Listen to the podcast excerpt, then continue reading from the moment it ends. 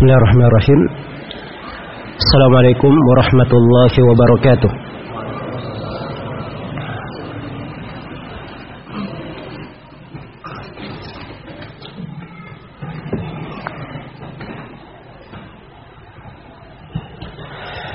إن الحمد لله نحمده ونستعينه ونستغفره ونعوذ بالله من شرور أنفسنا وسيئات أعمالنا من يهده الله فلا مضل له ومن يضلل فلا هادي له.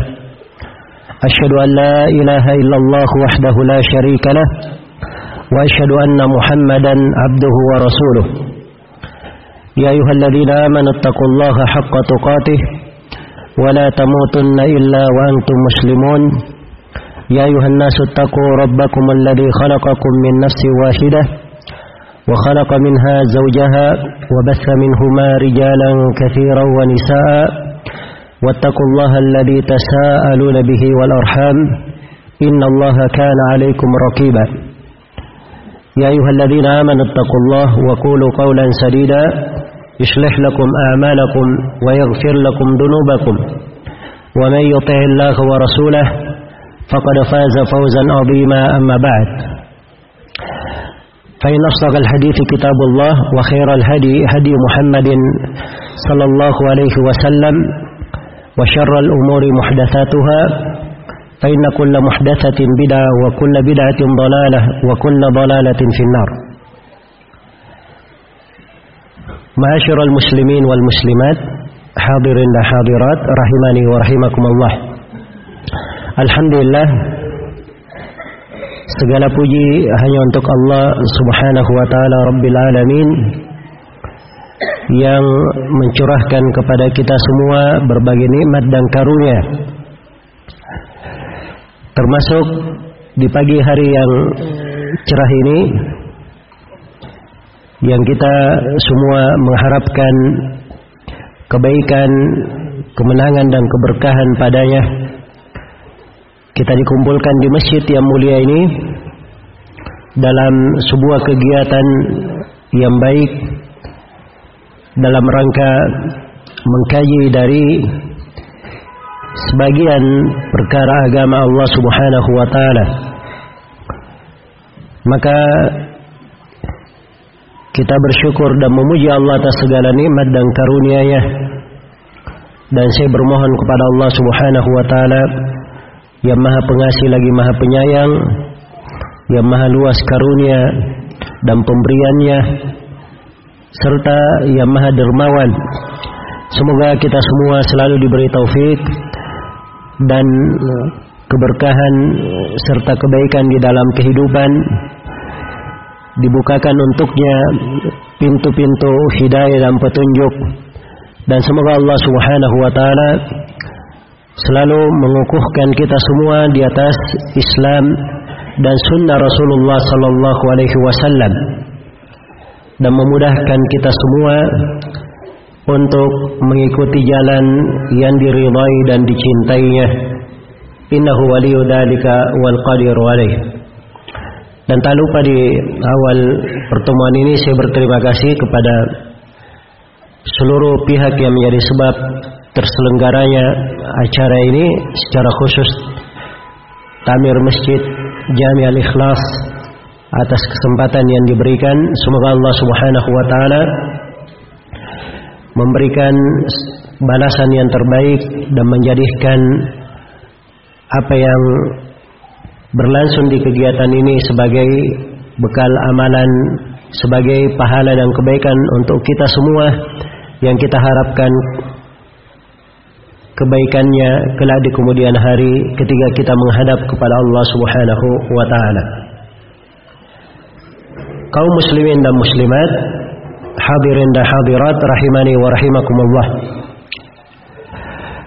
Pembahasan kita di pagi hari ini adalah terkait dengan sebuah sosok atau seorang sosok yang sangat dikenal di alam Islami sebuah nama yang memang perlu untuk diceritakan dari sirahnya dari perjalanan hidupnya serta bagaimana keyakinannya yang sebenarnya di dalam beragama agar supaya kita mengambil dari pelajaran-pelajaran dan renungan di dalamnya. Dan ini memang inti yang ingin kita bahas di kajian ini. Kita mengambil renungan dan pelajaran. Karena Allah Subhanahu wa taala telah menjadikan di dalam kehidupan ini secara umum agar supaya kita mengambil pelajaran pada setiap hal yang terjadi dalam kehidupan ini. Wa tilkal ayyamu nudawiluha bainan nas. Itulah hari-hari kehidupan yang kami buat bersilih ganti di tengah manusia. Agar darinya dibedakan siapa yang beriman dan siapa yang tidak beriman, siapa yang jujur di dalam keimanannya dan siapa yang dusta di dalam hal tersebut. Sebagaimana di dalam hari-hari kehidupan itu kita mengambil pelajaran-pelajaran yang berharga. Hal-hal yang mendekatkan kita kepada Allah Subhanahu wa taala dan membuat kita semua semakin kuat di atas beragama dan semakin kuat di dalam mendekatkan diri kepada Allah Subhanahu wa taala. Iya. Maka di sini pembahasan tentang Abul Hasan Al-Asy'ari rahimahullahu taala adalah pembahasan yang penting. Sebuah topik yang harusnya kita ada pengetahuan tentangnya. Ada pengetahuan tentangnya. Dan memang sengaja saya memilih tema ini di dalam pembahasan umum karena memang banyak hal yang terkait dengan Abul Hasan Al-Asy'ari rahimahullahu taala semoga Allah merahmatinya dengan rahmat yang luas banyak hal yang memang perlu diperjelas perkara-perkara yang perlu diingatkan apalagi terkait dengan masalah memahami agama. Iya. Maka ini pembahasan yang sangat menarik sekali untuk dikaji dan di dalamnya kita akan menerangkan sejumlah pembahasan. Yang pertama saya akan menjelaskan tentang biografi Abu Hasan Al-Asy'ari rahimahullahu taala yang mencakup tentang nama beliau, lahirnya, kemudian guru-gurunya, karya-karya tulisnya, murid-muridnya serta wafatnya. Kemudian saya akan menjelaskan tentang kisah taubat beliau. Yang tadinya beliau di atas madhab Mu'tazilah kemudian di umur 40 tahun beliau bertobat dan berlepas diri dari madhab tersebut. Setelah itu beliau membantah kaum Mu'tazilah di atas jalan ahlul bidah yang lainnya yang disebut dengan aliran al-kullabiyah yang kembali kepada seorang yang bernama Abu Muhammad Abdullah bin Said bin Kullab Al-Qattan Iya. Setelah itu beliau apa namanya rujuk dari madhab tersebut dan kembali kepada jalan sunnah kembali kepada jalan as-salaf beliau berpegang dengan madhab al-imam Ahmad ibn Hanbal rahimahullahu taala di dalam akidah iya maka kisah tobatnya kita akan jelaskan.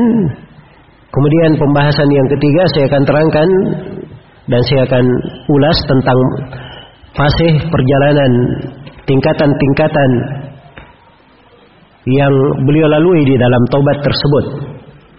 Iya. Dan pembahasan inti di kajian ini ada dua.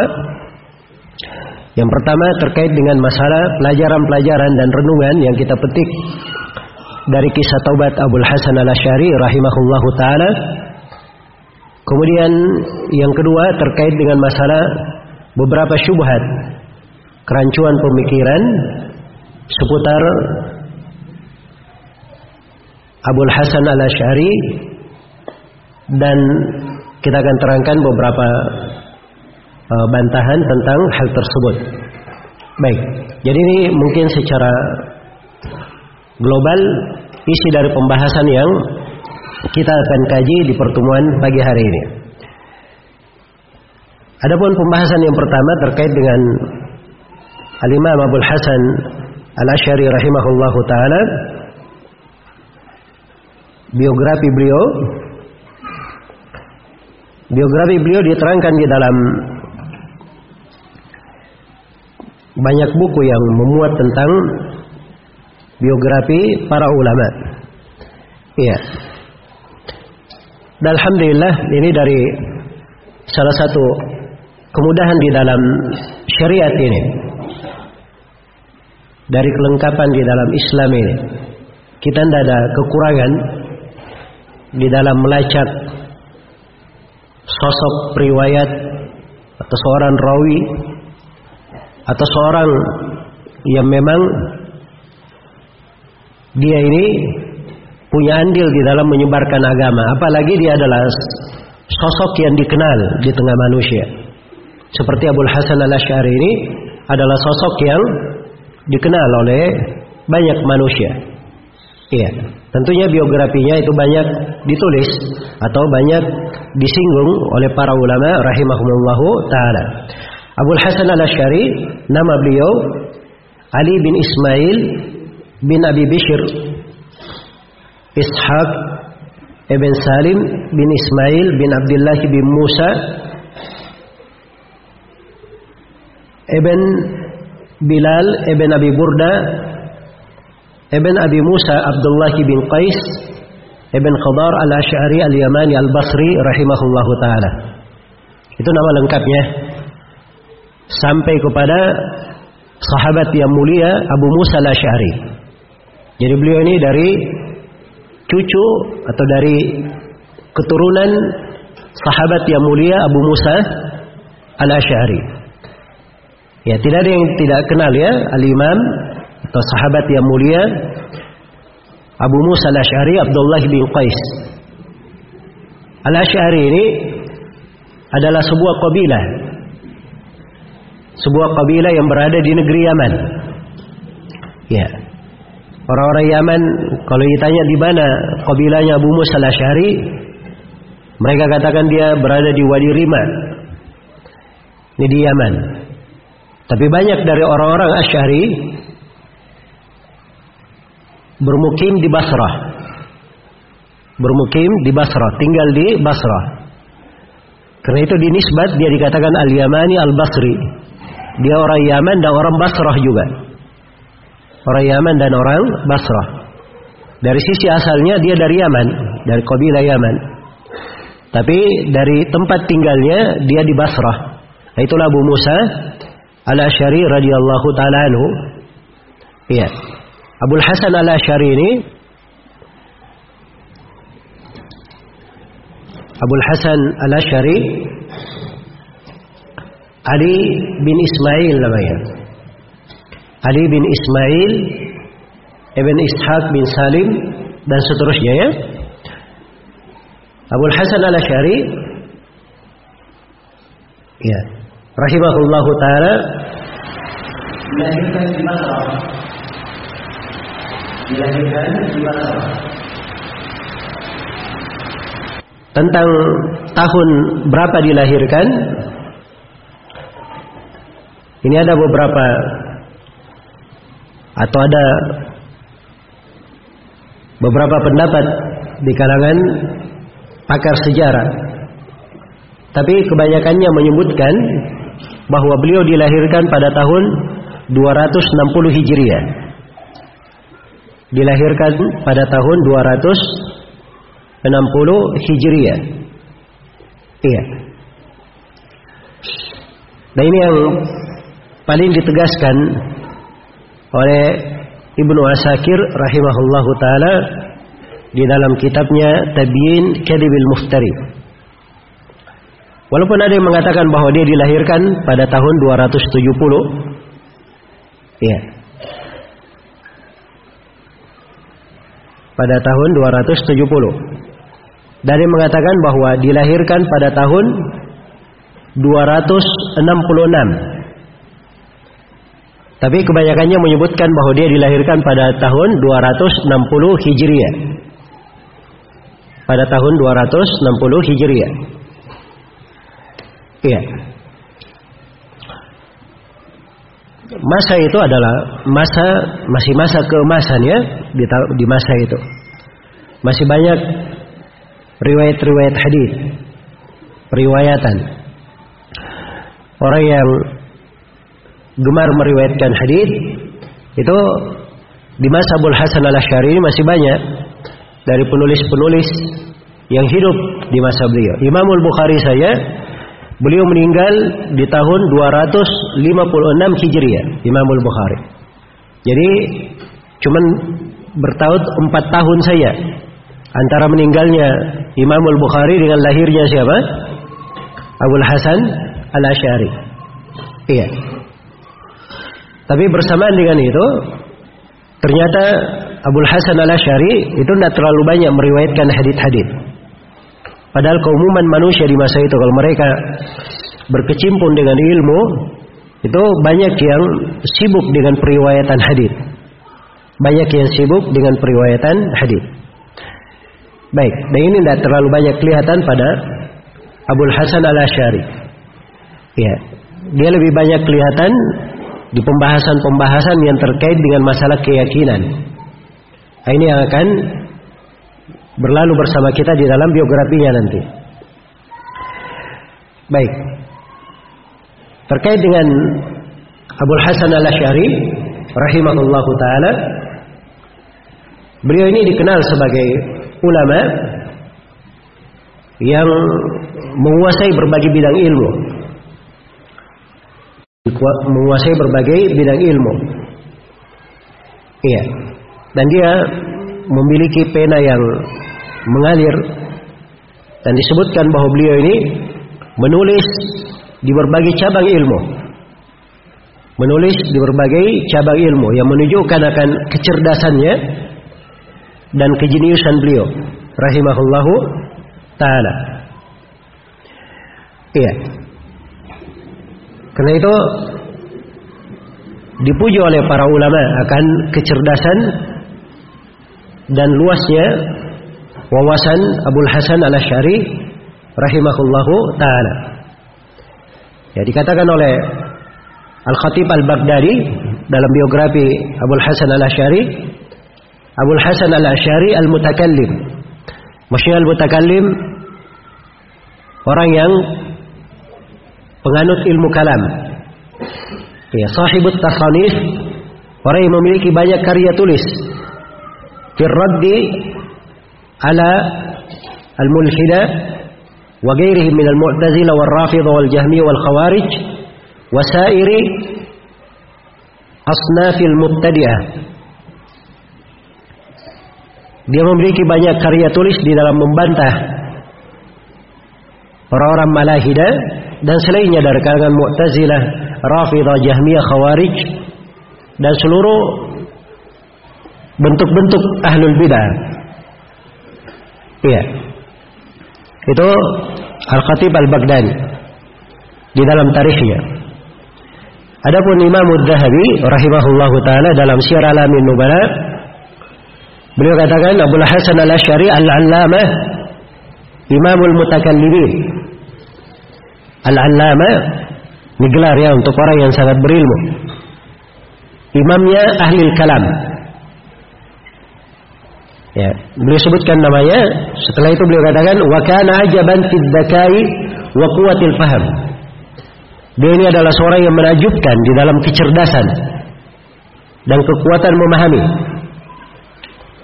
Walamma bari'a fi ma'rifatil i'tizal karihaha wa tabarra'a minhu. Begitu beliau sudah mumpuni di dalam mengetahui madhab Mu'tazilah, ujung-ujungnya beliau membenci madhab Mu'tazilah itu. Dan berlepas diri darinya. Dan berlepas diri darinya. Wasa'ada nasi lalu beliau naik di atas mimbar menghadap kepada manusia. Fataba ila Allah taala minhu. Maka beliau bertobat kepada Allah taala dari pemikiran Mu'tazilah thumma akhadha yaruddu 'ala al-Mu'tazilah wa yahtaku awarahum kemudian setelah itu Abu Hasan Al-Asy'ari membantah kaum Mu'tazilah dan menyingkap keburukan dan kejelekan mereka. Iya. Baik. Jadi ini dua komentar ya dari pakar ahli sejarah, pakar ahli tarikh, Imam Zahabi dan sebelumnya Al-Khatib Al-Baghdadi rahimahullahu taala. Iya. Dan keduanya pakar di dalam tarikh ar-ruwat maupun tarikh yang terkait dengan masalah apa namanya uh, sejarah manusia. Karena di ilmu tarikh itu ada dua pembahasan, ada yang terkait dengan rawi-rawi dan ada yang terkait dengan sejarah secara iya. Baik dan itu komentar mereka tentang Abu Hasan Al-Asy'ari dan semuanya mensifatkannya sebagai al-mutakallim. Sebab Abu Hasan Al-Asy'ari dia memang sebagai orang yang pakar di ilmu kalam, ilmu filsafat. Dia pakar di dalam hal tersebut. Iya. Adapun karya-karya tulisnya yang menunjukkan akan kecerdasannya dan wawasannya, ya, dia menulis di dalam banyak karya tulis Iya. Ada yang menyebutkan karya tulisnya itu itu mencapai uh, di sebagian apa namanya orang-orang yang membahas ada yang menyebutkan hingga 98 karya tulis yang ditulis oleh oleh Abdul Hasan Al Ashari. Iya di berbagai bidang. Ya, sampai disebutkan beliau punya juga karya tulis di bidang tafsir. Ya, tapi kebanyakannya terkait dengan pembahasan keyakinan membantah dari kelompok-kelompok yang menyimpang. Beliau disebutkan menulis hingga tahun 320 Hijriah. Beliau menulisnya sampai tahun 320 Hijriah. Dan tentunya karya tulis yang beliau tulis ini ini melalui uh, apa namanya? Ada yang terkait dengan fase perjalanan hidup beliau. Iya. Karena beliau tadi ada tiga tahap ya. Ada masa beliau itu Mu'tazilah, ada masa beliau Kullabiyah, dan ada masa beliau mengikuti jalan as-salaf. Ada tiga masa yang dilewati oleh Abdul Hasan al Ashari. Dan tulisan-tulisannya yang disebutkan itu bukan hanya di satu masa saja, tapi di berbagai masa. Dan kebanyakan tulisannya itu di kondisi al Ashari belum kembali ke jalan as-sunnah, belum kembali kepada jalan as-salaf. Iya. Adapun guru-guru beliau ini terkait dengan penyebutan guru-guru. Pentingnya di dalam sosok ilmiah seorang itu dia menyampaikan ilmu, itu diketahui dari mana dia berguru. Diketahui dari mana dia berguru. Sebab dari guru-guru Nah itu bisa dipahami dia pemahamannya ke mana. Dia pemahamannya ke mana. Iya. Dari gurunya yang paling terdahulu adalah Abu Ali Al-Jubbai. Abu Ali Al-Jubai. Iya. Dan Abu Ali Al-Jubai ini adalah syekh beliau yang pertama. Kenapa? Karena Abu Ali Al-Jubai menikah dengan ibunya. Menikah dengan ibunya. Iya. Maka Abu Ali Al-Jubai ini ini pun yang menjadi syekhnya yang pertama. Dan dia ini adalah tokoh Mu'tazilah di masanya. Abu Ali Al-Jubai. Nama lengkapnya Muhammad bin Abdul Wahab bin Salam. Muhammad bin Abdul Wahab bin Salam. Iya, Al-Jubai. Dibaca salam ya, bukan salam. Ya, di seluruh nama rawi itu di nama di dalam buku-buku tentang agama semua yang ada tulisannya sim, lam, alif, mim itu semuanya dibaca salam. Semuanya dibaca salam kecuali lima nama. Ya. Ya dikenal karena dia nama pentolan di dalam kesesatan Abu Ali Al-Jubai, tokoh Mu'tazilah. Ya. Jadi itu bisa dibayangkan ya para ulama bagaimana detailnya mereka terhadap ilmu nama-nama rawi itu dipastikan sampai orang yang tersesat seperti ini pun babit namanya juga dia apa? Dipastikan bacanya salam bukan salam. Ya. Kalau di periwayatan hadis itu ada dua nama ya. Yang pertama Muhammad bin Salam al-Baikandi guru al-Bukhari dan yang kedua sahabat yang mulia Abdullah bin Salam. Seluruh nama rawi yang lain di periwayatan hadis semuanya dibaca salam. Semuanya dibaca salam. Baik, jadi ini gurunya yang pertama, Abu Ali Al-Jubai. Abu Ali Al-Jubai ini wafat pada tahun 303 Hijriah. Iya. Abu Ali Al-Jubai ini ya inilah yang apa namanya? penyebar madhab Mu'tazilah di masanya. Dan dari Abu Ali Al-Jubai ini Abu Hasan Al-Asy'ari berguru. Beliau mengambil ilmu kalam, ilmu jadal, dan ilmu nazar. Iya. Ilmu bagaimana berdebat dan bagaimana berdiskusi serta apa namanya meneliti masalah-masalah. Kemudian yang kedua dari guru Abu Hasan al Ashari adalah Abu Khalifah al Jumahi. Abu Khalifah al Jumahi namanya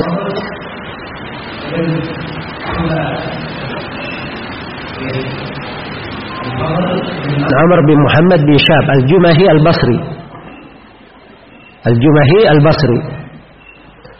Baik. Dan beliau ini disebutkan sebagai Seorang yang Ahli hadis Yang terpercaya, jujur Dan amanah.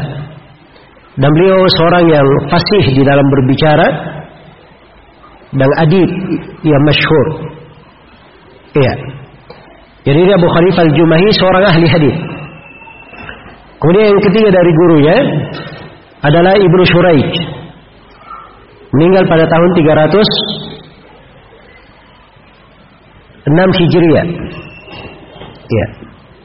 Abu Shuraij beliau ini ahli fikihnya orang-orang Irak, ahli fikih orang-orang Irak. Nama beliau Ahmad bin Umar bin Suraij Al-Baghdadi.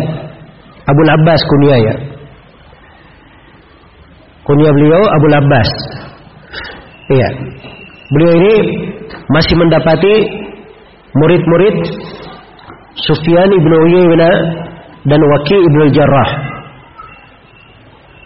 Nah, baik. Dan Ibnu Suraij ini termasuk orang yang keras terhadap ilmu kalam. Ibnu Suraij berkata, "Qallama ra'aitu minal mutafaqqiha man ishtaghala bil kalami fa aflah." Kata beliau sangat sedikit saya melihat dari orang yang belajar fikih kemudian dia menyibukkan dirinya mempelajari ilmu kalam setelah itu dia beruntung. Itu sedikit dia dapatkan. Yang seperti itu. Jadi umumnya kalau dia belajar fikih dan belajar ilmu kalam, umumnya dia binasa. Ya, itu yang Ditegaskan oleh Imam Ibnu Suraij rahimahullah. Yang keempat dari guru beliau Zakaria As-Saji. Zakaria As-Saji. Iya. Beliau ini adalah seorang imam besar di masanya dari imam ahli sunnah. Kunia beliau Abu Yahya. Namanya Zakaria bin Yahya bin Abdurrahman Al-Basri. Iya.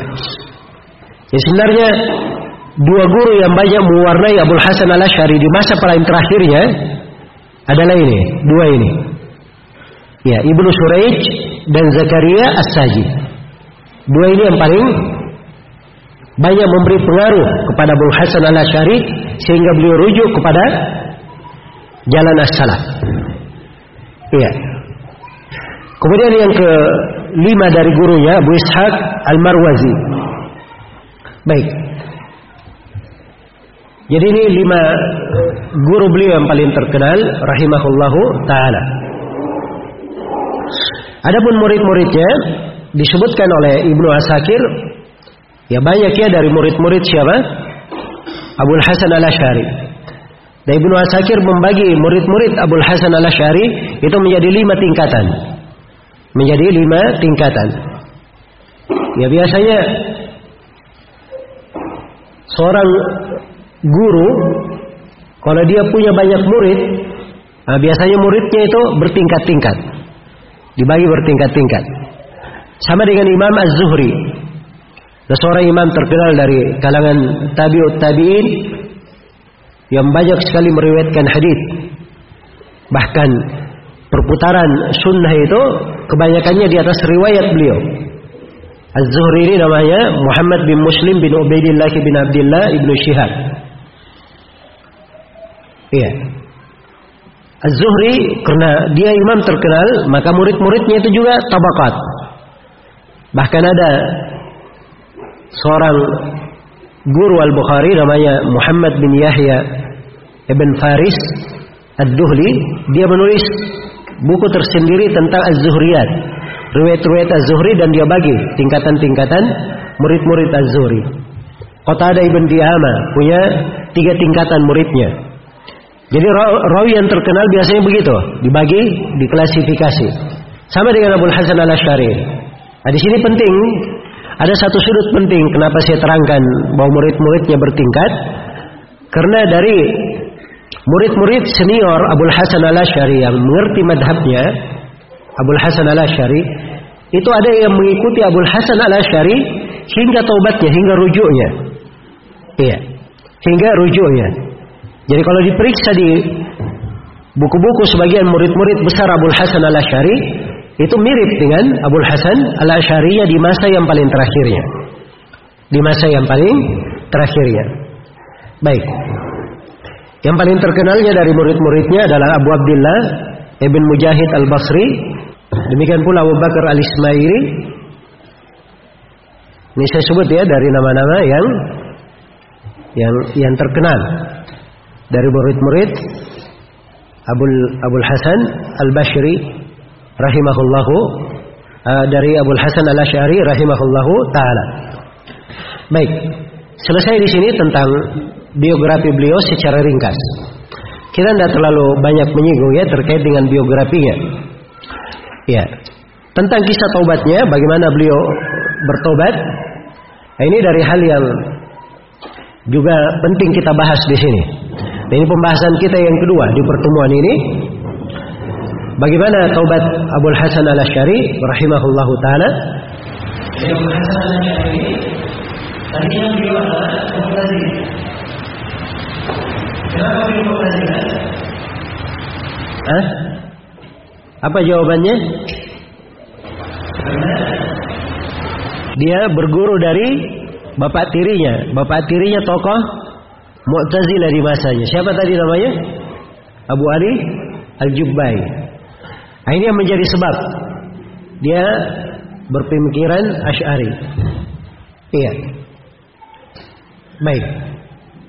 Jadi kalau ingin diceritakan tentang bagaimana taubatnya dari madhab Mu'tazilah, nah, ini banyak riwayat dari Abu Hasan Al Asy'ari. tentang kisah tobatnya tersebut dan sebab tobatnya apa. Jadi ada kisah tobatnya dan ada sebab tobatnya. Tapi yang paling dekatnya adalah yang disebutkan oleh Ibnu Nudaim rahimahullahu taala yang disebutkan oleh Ibnu Ibnu Nudaim rahimahullahu taala yang meninggal pada tahun 385 Hijriah. Jadi 385 Hijriah ini tak jauh dari meninggalnya siapa? Abu Hasan. Tidak jauh. Maka ini sumber yang paling masa hidup Abu Hasan Asy'ari. Dia berkata bahwa Abu Hasan al Ashari awalnya dalam Mu'tazilah. Thumma taba min al-qawli bil adli wa khalqil Qur'an. Fil Masjidil Jami' bil. Jadi tadinya dia Mu'tazilah. Setelah itu dia tobat dari pendapat Mu'tazilah seputar masalah al-adl keadilan. Pendapat Mu'tazilah tentang Al-Qur'an itu makhluk. Dia tobat darinya. Di mana dia tobat di Al-Jami Al-Kabir di masjid besar istilah Al-Jami Al-Kabir itu apabila di dalam sebuah kota ada masjid terbesar itu disebut Jami Kabir ya kalau kita di Indonesia ini mungkin disebut masjid agung ya Sebut Masjid Agung. Iya. Kapan itu? Di hari Jumat. Ini bukan apa namanya di masjid biasa. Dan ini dia pilih hari Jumat. Hari berkumpulnya manusia. Iya. Kata beliau, raka kursiyan wanada bi a'la sautihi. Abdul Hasan al-Asy'ari dia naik ke kursi lalu dia berteriak dengan suaranya yang paling tinggi. Man arafani faqad arafani. Siapa yang telah kenal saya, maka dia telah mengenalku. Wa man lam ya'rifni fa ana a'rif, fa ana u'arrifuhu nafsi. Ya. Siapa yang tidak mengenal saya, maka saya akan perkenalkan diriku sekarang kepada dia. Anak fulan ibnu fulan. Dia sebutkan saya fulan anaknya si fulan. Disebut namanya. Ya. Kemudian Abu Hasan berkata, "Kuntu aku lebih khalqil Quran." Saya dulu mengatakan bahwa Al-Quran itu makhluk. Wa anna Allah la yura bil absar. Saya dulu berpendapat bahwa Allah tidak dilihat dengan mata kepala. Wa anna af'ala syarri ana af'aluha. Dan dulu saya berpendapat bahwa perbuatan kejelekan saya yang melakukannya. Ini pokok-pokok pendapatnya kaum Mu'tazilah ya, kesesatannya. Iya. Kata beliau wa ana taibun muqli'un mu'taqidun lirraddi 'alal mu'tazilah. Kata beliau dan saya sekarang sudah bertobat. Iya. Sudah berlepas diri darinya dan meyakini untuk membantah kaum Mu'tazilah. Fakharaja bi fadaihihim wa ma'ayibihim. Maka Abdul Hasan Al-Asy'ari pun keluar menjelaskan tentang borok-borok kaum Mu'tazilah dan keburukan madhab mereka. Iya. Dan keburukan madhab mereka. Dan disebutkan di dalam ini riwayatnya Ibnu Nudaim ya. Ya, dan disebutkan di dalam berbagai riwayat bahwa Abdul Hasan Al-Asy'ari dia berdiri di Jami' Kabir ini di umur beliau 40 tahun. Umur beliau berapa? 40 tahun. Jadi Masya Allah ya, bayangkan di atas madhab Mu'tazilah berapa tahun? Ya, mungkin sekitar 20 tahun ya. Kalau dihitung dari mulai belajarnya, anggaplah belajar dari 17 tahun, 18 tahun, ya. Sampai 40 tahun berarti di atas madhab Mu'tazilah lebih dari 20 tahun. Iya. Dan ini jumlah sangat lama di atas kesesatan dan petaka. Ya, waktu yang sangat lama. Nasallallahu Al-Afiyah. Ya, dan disebutkan bahwa Abu Hasan Al-Asy'ari sebelumnya beliau hilang beberapa hari. Disebutkan hilang selama 15 hari. Tidak muncul di tengah manusia. Ya, ternyata beliau menulis tulisan-tulisan membantah kaum Mu'tazilah dalam 15 hari. Nah, itu ada beberapa kitab beliau. Ya. Di antara yang masyhur adalah kitab Al-Luma. Kitab Al-Luma. Nah, ini kitab ditulis oleh Abu Hasan Al-Asy'ari di pasir beliau membantah apa? kaum Mu'tazilah. Ya. Dan disebutkan bahwa beliau ketika naik ke atas mimbar, naik ke atas kursi, beliau memakai baju luar. Lalu beliau lepas baju luarnya. Beliau berkata, saya sudah melepaskan diriku dari Mu'tazilah. Seperti saya lepaskan apa? Bajuku ini. Iya, dia berlepas. Dari madhab Mu'tazilah.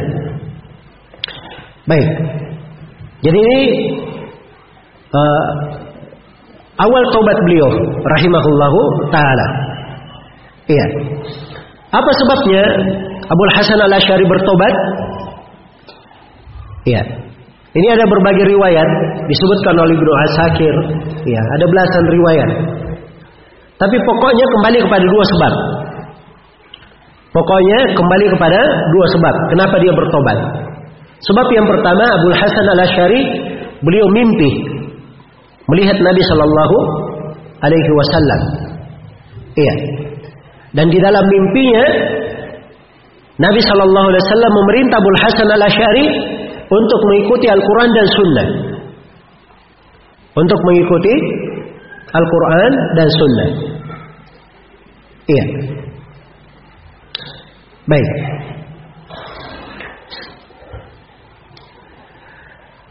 Dan itu disebutkan dari nukilan-nukilan yang disebut yang diterangkan oleh Ibnu Asakir dalam Tabiin Kadibil Muftari bahwa Abu Hasan al Ashari sendiri menyebutkan salah satu sebab rujuknya itu dia melihat Rasulullah Sallallahu Alaihi Wasallam di dalam tidurnya dan itu kejadiannya di bulan Ramadan di bulan Ramadan kemudian sebab yang kedua yang menyebabkan beliau rujuk adalah beliau mendebat gurunya Abu Ali Al-Jubbai. Yang Mu'tazilah ini jago debat. Ya. Kalau dapat orang Mu'tazilah, memang doyannya itu debat. Ya. Dia bikin pembahasan bagaimana apa namanya berdebat. Kalau ada sesuatu dia dia bawakan dari dalil-dalil akal. Ya. Ini pengaruh dari ilmu kalam. Maka begitu dia sudah mumpuni di ilmu kalam, Abu Hasan al Ashari ini, dia mendebat Abu Ali al Jubbai. Ya. Abu Ali al Jubbai tidak bisa menjawab pertanyaan-pertanyaan Abu Hasan al Ashari. Ya. Dia kalau dijawabnya begini, dia jawab begini. Kata Abu Hasan, kalau ada yang berkata begini, maka al Jubbai bilang jawab begini. Kalau dikatakan begini lagi, dia nggak bisa sudah melanjutkan. Ya.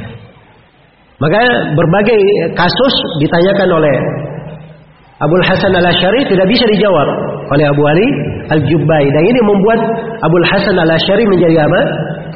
Menjadi ragu. Iya. Beliau menjadi ragu. Ada dengan ini akhirnya beliau meninggalkan madhab Mu'tazilah. Iya. Nah ini tampak ya wallahu alam bahwa Abu Hasan al Ashari rahimahullahu taala itu punya kejujuran, ingin mencari kebenaran. Punya kejujuran untuk mencari apa? Kebenaran. Nanti kata dia punya asobia, taklid, ikut hawa nafsu saja misalnya, membebek buta, dia tidak akan mungkin membantah siapa? Membantah gurunya. Abu Ali al-Jubai dan berlepas diri. Apalagi dia adalah ayah tirinya.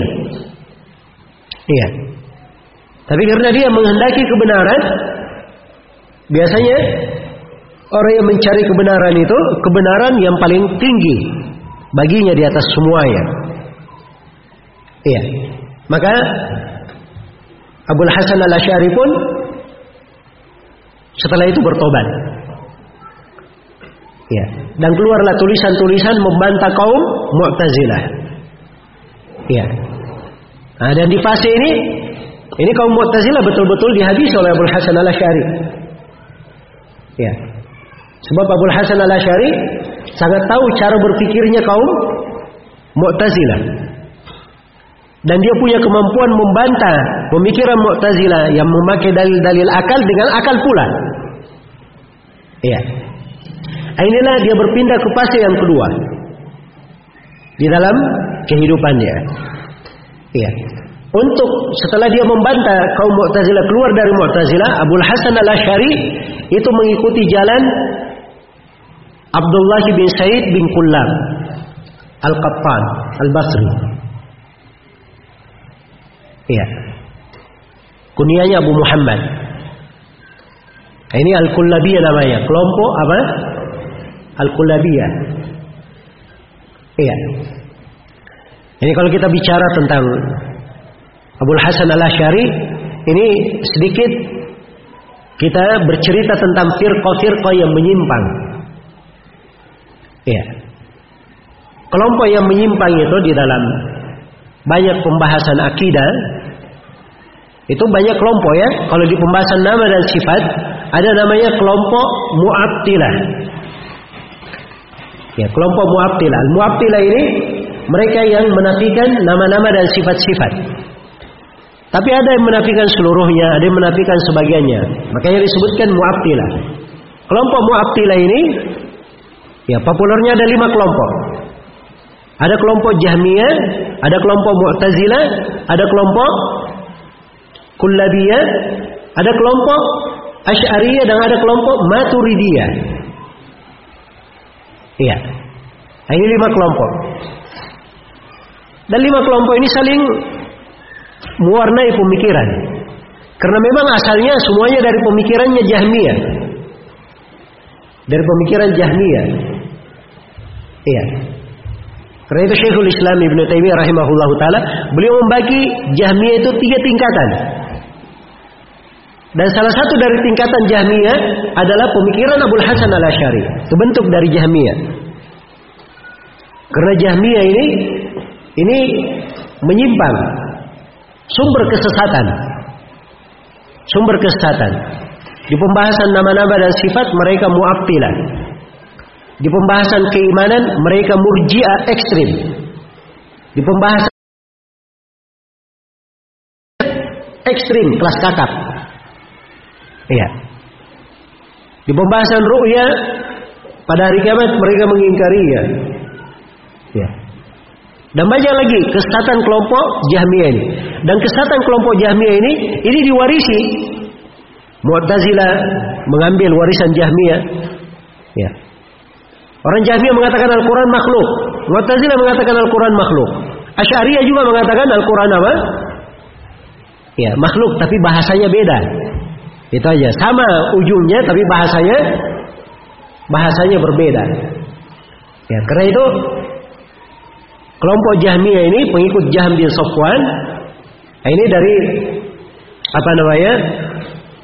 Uh, dari firqa yang sesat yang mewarnai kelompok yang datang setelahnya. Karena itu kata Ibnu Al-Qayyim rahimahullahu taala, "Walidza taqassamat at-tawa'if qawlahu wa tawarathuhu irtadi sahmani lam yanju min aqwalihi turran siwa ahli al-hadits wa syi'atil Qur'ani." Karena itu kelompok-kelompok yang menyimpan setelah Jahmiyah itu saling mewarisi, saling bagi-bagi ucapan kelompok Jahmiyah ini dan saling mewarisinya seakan-akan mewarisi harta saya. Ya. Dan tidak ada yang selamat dari pemikiran kelompok Jahmiyah. Dari semua kelompok yang ada. Kecuali siapa kata Ibnu Al-Qayyim? Kecuali ahli hadis dan pengikut Al-Quran. Ini saja yang selamat. Adapun kelompok-kelompok yang menyimpan lainnya ini terwarnai dengan pemikiran kelompok Jahmiyah ini. Ya, dan kita akan singgung sedikit ya tentang Jahm bin Sofwan ini. Ya, di ada satu poin yang ada kemiripan di sini. Saya akan terangkan dari pelajaran ya di kisah Abdul Hasan al Ashari ini bahwa orang yang masuk di dalam kesesatan itu pasti ada kebingungan dan keraguan.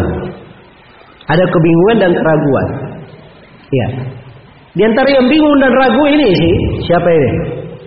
Jahm bin Sofwan ini. Jahm bin Sofwan ini pernah didebat oleh kelompok yang bernama As-Sumanniyah. Ya. Didebat tentang masalah adanya Allah Subhanahu wa taala. Maka bin Sofwan didebat ya, diuntal miring, tidak bisa bangkit lagi. Akhirnya dia apa? Tidak sholat selama 40 hari 40 malam dia tidak sholat. Ragu Tuhannya ada atau tidak. Ya. Ini Jahm bin Sofwan ini. Baik. Jadi Abu Hasan al Ashari rahimahullahu taala ini ya, setelah Mu'tazilah di fase yang kedua dia mengikuti jalan Al-Kullabiyah. Al-Kullabiyah tadi siapa namanya? Pengikut siapa? Abdullah bin Said bin Kullab. Ya. Abdullah bin Said bin Kullab ini ini juga dari hal yang apa namanya? Uh, penting dan menarik untuk kita perhatikan ya. Ya. Abdullah bin Said bin Kullab ini ini dia membantah kaum Mu'tazilah. Mereka membantah kaum Mu'tazilah. Dan dia banyak dekat ke madhab as-salaf. Al-Kullabiyah ini. Ada dekat ke madhab salaf di banyak pembahasan. Di banyak pembahasan. Iya. Termasuk di dalam nama-nama dan sifat. Dia tidak seperti kelompok Jahmiyah dan Mu'tazilah. Kalau kelompok Jahmiyah, nama dan sifat semuanya ditiadakan. Iya. Dia taktil nama dan sifat Allah, kecuali sifat wujud saja kalau kelompok Jahmiyah. Kalau kelompok Mu'tazilah, mereka tetapkan nama, mereka nafikan sifat. Jadi Mu'tazilah berkata Allah itu As-Sami yang Maha mendengar, tapi tanpa pendengaran. Ya. Al-Basir Al-Basir artinya apa? Yang Maha melihat, tapi mereka katakan tanpa pelihatan.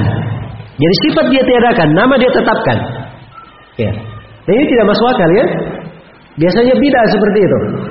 Membuat orang yang berakal jadi tidak punya akal. Ya. Itu dari bahaya bidah. Kadang dia cerdas, tapi karena dia masuk dalam bidah membuatnya tidak cerdas. Membuatnya tidak cerdas. Baik. Uh, Al-Kullabiyah dia tetapkan nama Allah Subhanahu wa taala dia tetapkan pula dari sifat-sifat yang terkandung di dalam nama-nama itu. Jadi nama dan sifat dia tetapkan. Hanya saja mereka menyimpang ya di pembahasan sifat para orang kullabiyah. Orang-orang kullabiyah dia tetapkan sifat datia. Iya. Yang mereka nafikan itu terkait dengan sifat fi'liyah. Sifat datia mereka tetapkan adanya tangan bagi Allah, wajah, pendengaran, penglihatan. Mereka tetapkan itu. Tapi kalau dia tetapkan Allah beristiwa di atas arsnya, Allah subhanahu wa ta'ala disifatkan berkehendak, datang, dan seterusnya dari sifat-sifat, nah ini mereka menafikan, mereka mentakwilnya di situ. Nah ini kesesatannya siapa? Kesesatan kelompok kullabiyah. Ya, mereka menyimpang di situ. Abu Hasan al Ashari ketika membantah Mu'tazilah, dia ini berada di atas jalannya siapa? Kelompok Al-Kullabiyah. Iya. Dan dimaklumi bahwa Al-Kullabiyah ini iya, ini Al-Kullabiyah dari kelompok yang sesat.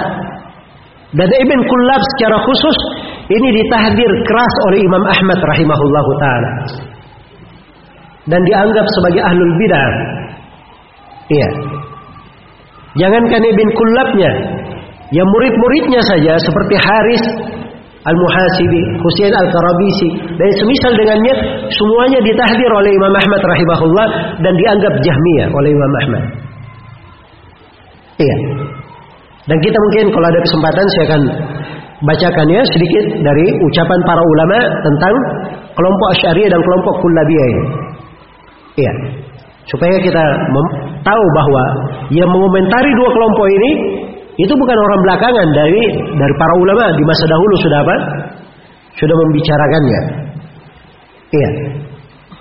Baik, jadi di pasal ini Abu Hasan Al Asyari menulis buku-buku. Iya, di antaranya itu tadi buku yang saya sebut Al-Luma fi Raddi ala Ahli Zaidi wal Bidah. Ini dia tulis untuk membantah kaum Mu'tazilah. Iya. Baik. Ah, setelah itu di fase berikutnya di fase berikutnya iya. Jadi kalau kita lihat pada fase ketika dia berada di madhab Al-Kullabiyah, Abu Hasan Al-Asy'ari di situ itu berubah di tulisannya. Sudah berubah. Iya. Abu Hasan Al-Asy'ari itu sudah menetapkan dari sifat-sifat yang terkait dengan sifat dati Allah Subhanahu wa taala. Padahal sebelumnya tidak. Iya, karena di atas madhab apa? Di atas madhab Mu'tazilah. Nah, dia sekarang sudah mulai menetapkan dari sifat-sifat. Ya. Yang terkait dengan sifat datiyah Allah Subhanahu wa taala, seperti sifat ilmu, al-qudrah, ya, yang masyhur ya di kalangan mereka dari sifat al-haya kehidupan, as-sama wal basar. Nah, ini semuanya ditetapkan. Demikian pula sifat al-irada dan al-kalam. Ini kan sifat tujuh ya disebut di kalangan apa? Orang-orang Asy'ariyah. Ya. Dan di fase ini Abu Hasan al Ashari itu menafikan sifat ikhtiariyah. Dia menafikan sifat ikhtiariyah. Dia menafikan bahwa Allah berbicara dengan kehendak dan ke keinginannya. Iya. Dan di fase ini pula Abu Hasan al Ashari itu berubah di dalam membahasakan tentang Al-Quran. Tapi hakikatnya sama. Bahkan di sini Abu Hasan al Ashari dan al Kullabiyah karena dia ikut kepada al Kullabiyah itu bida bikin bid'ah baru. Tidak dibuat oleh kaum Jahmiyah dan kaum Mu'tazilah terkait dengan masalah Al-Qur'an. Mereka tambah lagi bahwa Al-Qur'an itu tanpa suara dan tanpa huruf. Al-Qur'an tanpa suara dan tanpa apa? Tanpa huruf. Iya. Baik. Jadi ini uh, di antara kesimpulannya dari madhab Abu Hasan al Ashari rahimahullahu taala di kondisinya yang keberapa? Kondisinya yang kedua atau di fase kehidupannya yang kedua. Dan yang terakhir, ya. Abu Hasan al Ashari rahimahullahu taala dia berpindah kepada madhab apa namanya as-salaf rahimahullahu taala. Iya. Setelah berada di atas jalan Ibn Kullab dalam kurun waktu, maka Allah Subhanahu wa taala memberi hidayah kepada Abu Hasan Al-Asy'ari. Ya. Dan menerangi dari hatinya. Maka dia rujuk kepada madhab ahli sunnah wal jamaah. Berpegang dengan jalan para as-salaf rahimahumullahu taala. Nah, di sinilah ada dari guru-gurunya yang memberikan pengaruh yang sangat besar. Ya. Jadi beliau berjumpa dengan Ibnu Suraij. Ya. Dan Ibnu Suraij ini dari imam ahli sunnah terkenal. Beliau berguru dari murid-muridnya Sufyan ibnu Uyainah. Dan Sufyan ibnu Uyainah ini dari simbol ahli sunnah di Mekah. Iya. Maka dari sini dia mengenal sunnah. Apalagi ketika ketemu ketemu dengan Zakaria al-Ansari, eh, ketemu dengan Zakaria as-Saji. Nah, di sini dia mengenal madhab ahli sunnah yang dianut oleh murid-murid Imam Ahmad rahimahullahu taala. Iya. Jadi anut oleh murid-murid Imam Ahmad rahimahullahu taala. Baik di fase terakhirnya ini ini ditetapkan oleh banyak ulama yang menjelaskan bahwa Abu Hasan al Ashari berpindah ke madhab ahli sunnah wal jamaah. Dan itu paling terangnya Abu Hasan menulis empat buku. Ada empat buku di yang dia tulis. Iya. Yang pertama ada namanya Kitab Al-Ibana. Dan yang kedua ada namanya Kitab Maqalat Al-Islamiyyin. Ketiga ada namanya Al-Mujad. Dan yang keempat ada namanya Risalah ila Ahli Sabar. Risalah ila Ahli Sabar.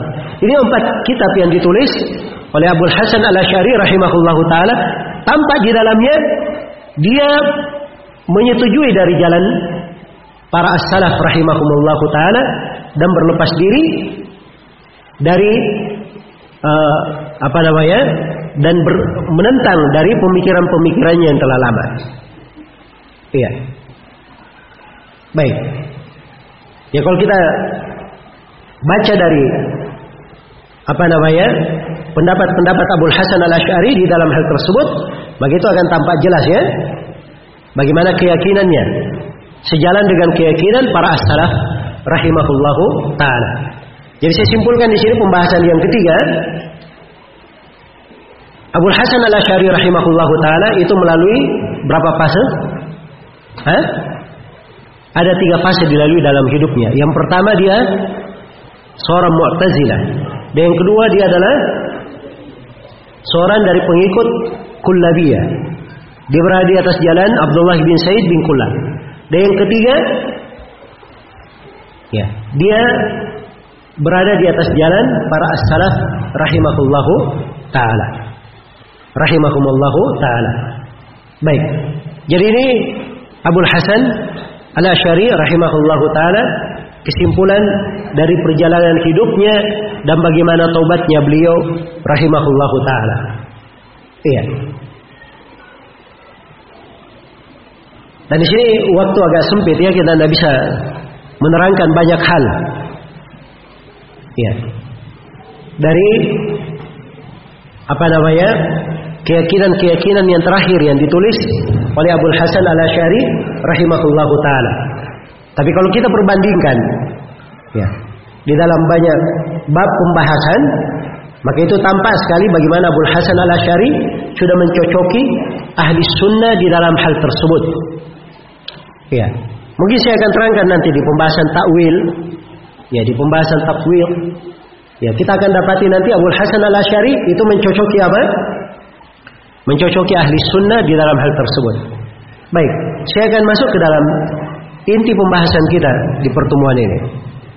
Renungan dan pelajaran yang ingin kita ambil. Iya.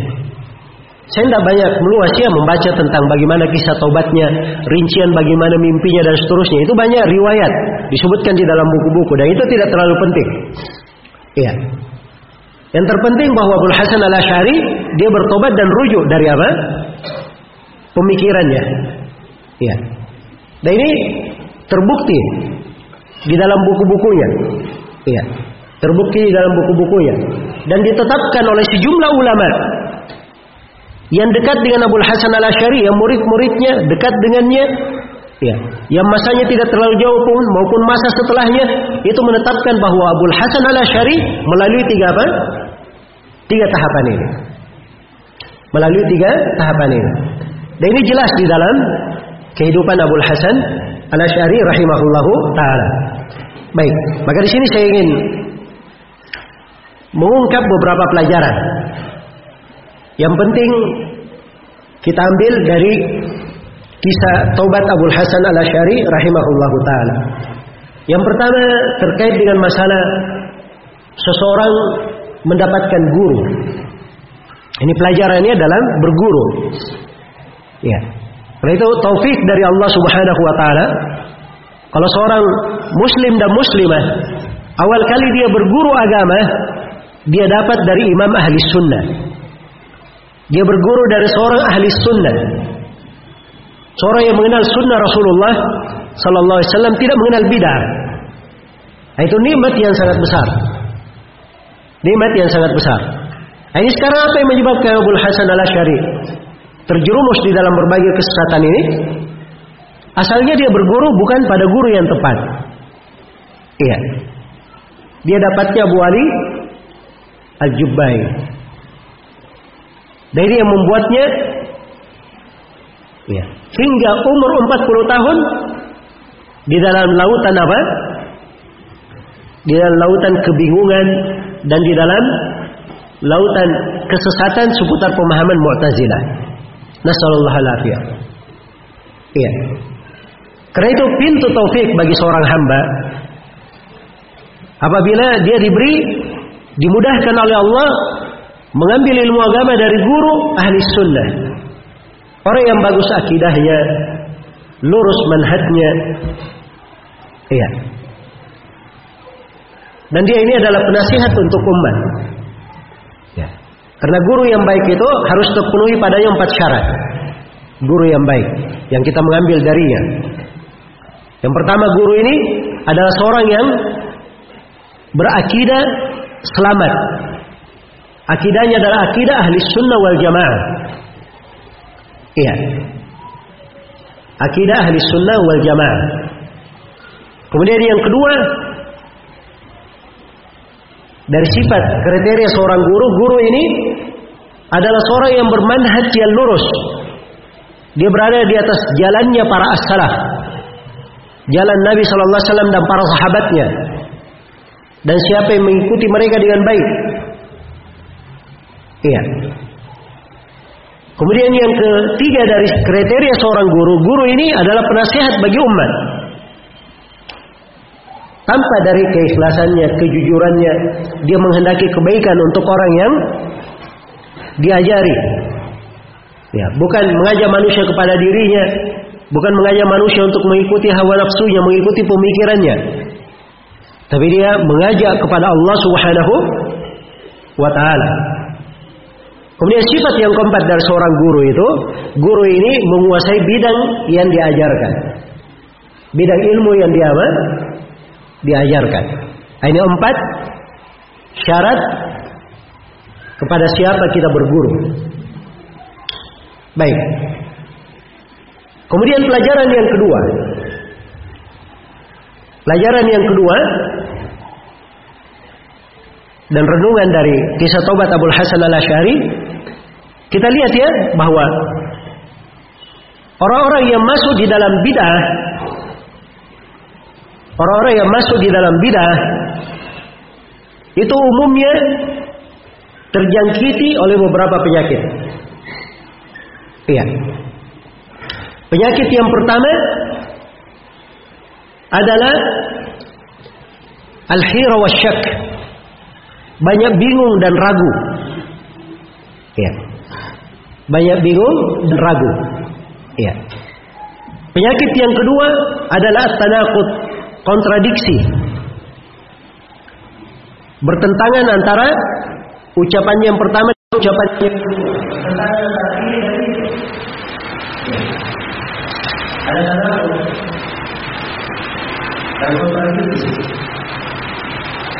Iya.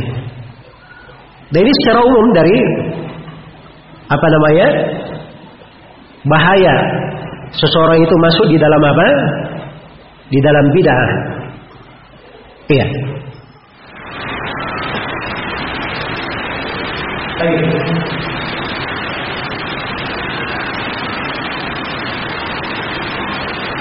Dan keberadaan dari sini utara masuk di dalam dia mempertanyakan tidak dia akhirnya banyak bingungnya, banyak ragunya, di dalam pendapatnya, kontradiksi, yang dalam kontradiksi. Kemudian yang ketiga itu banyak perdebatannya, banyak perdebatannya. Dan itu kelihatan ya di buku-buku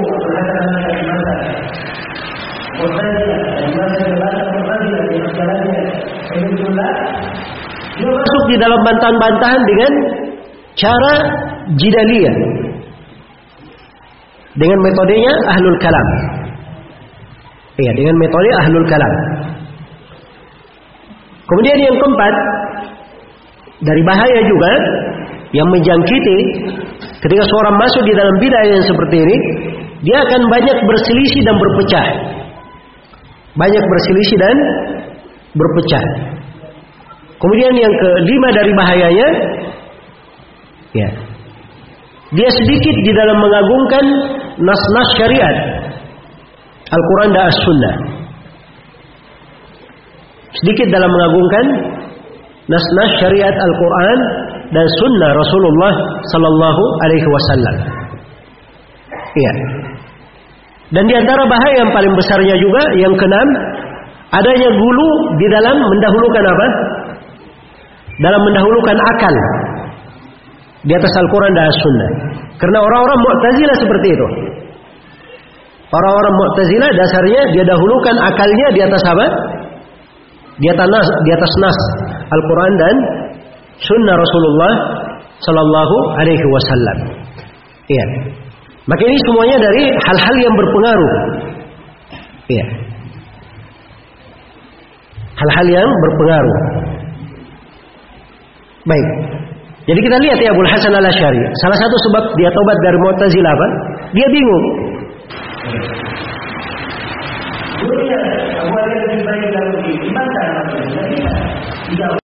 Dia sendiri bingung dia. Ini kebingungan yang seperti ini. Ini telah menguasai banyak dari orang-orang yang belajar apa? Banyak dari orang-orang ilmu filsafat. Belajar ilmu kalam. Nah, tapi di sini saya sebutkan beberapa orang dari orang-orang yang pernah jatuh di dalam kebingungan yang seperti ini. Ya, sama dengan Abu Hasan al Ashari. Ya. Dan uniknya juga Ya banyak dari contoh yang akan saya sebutkan di sini.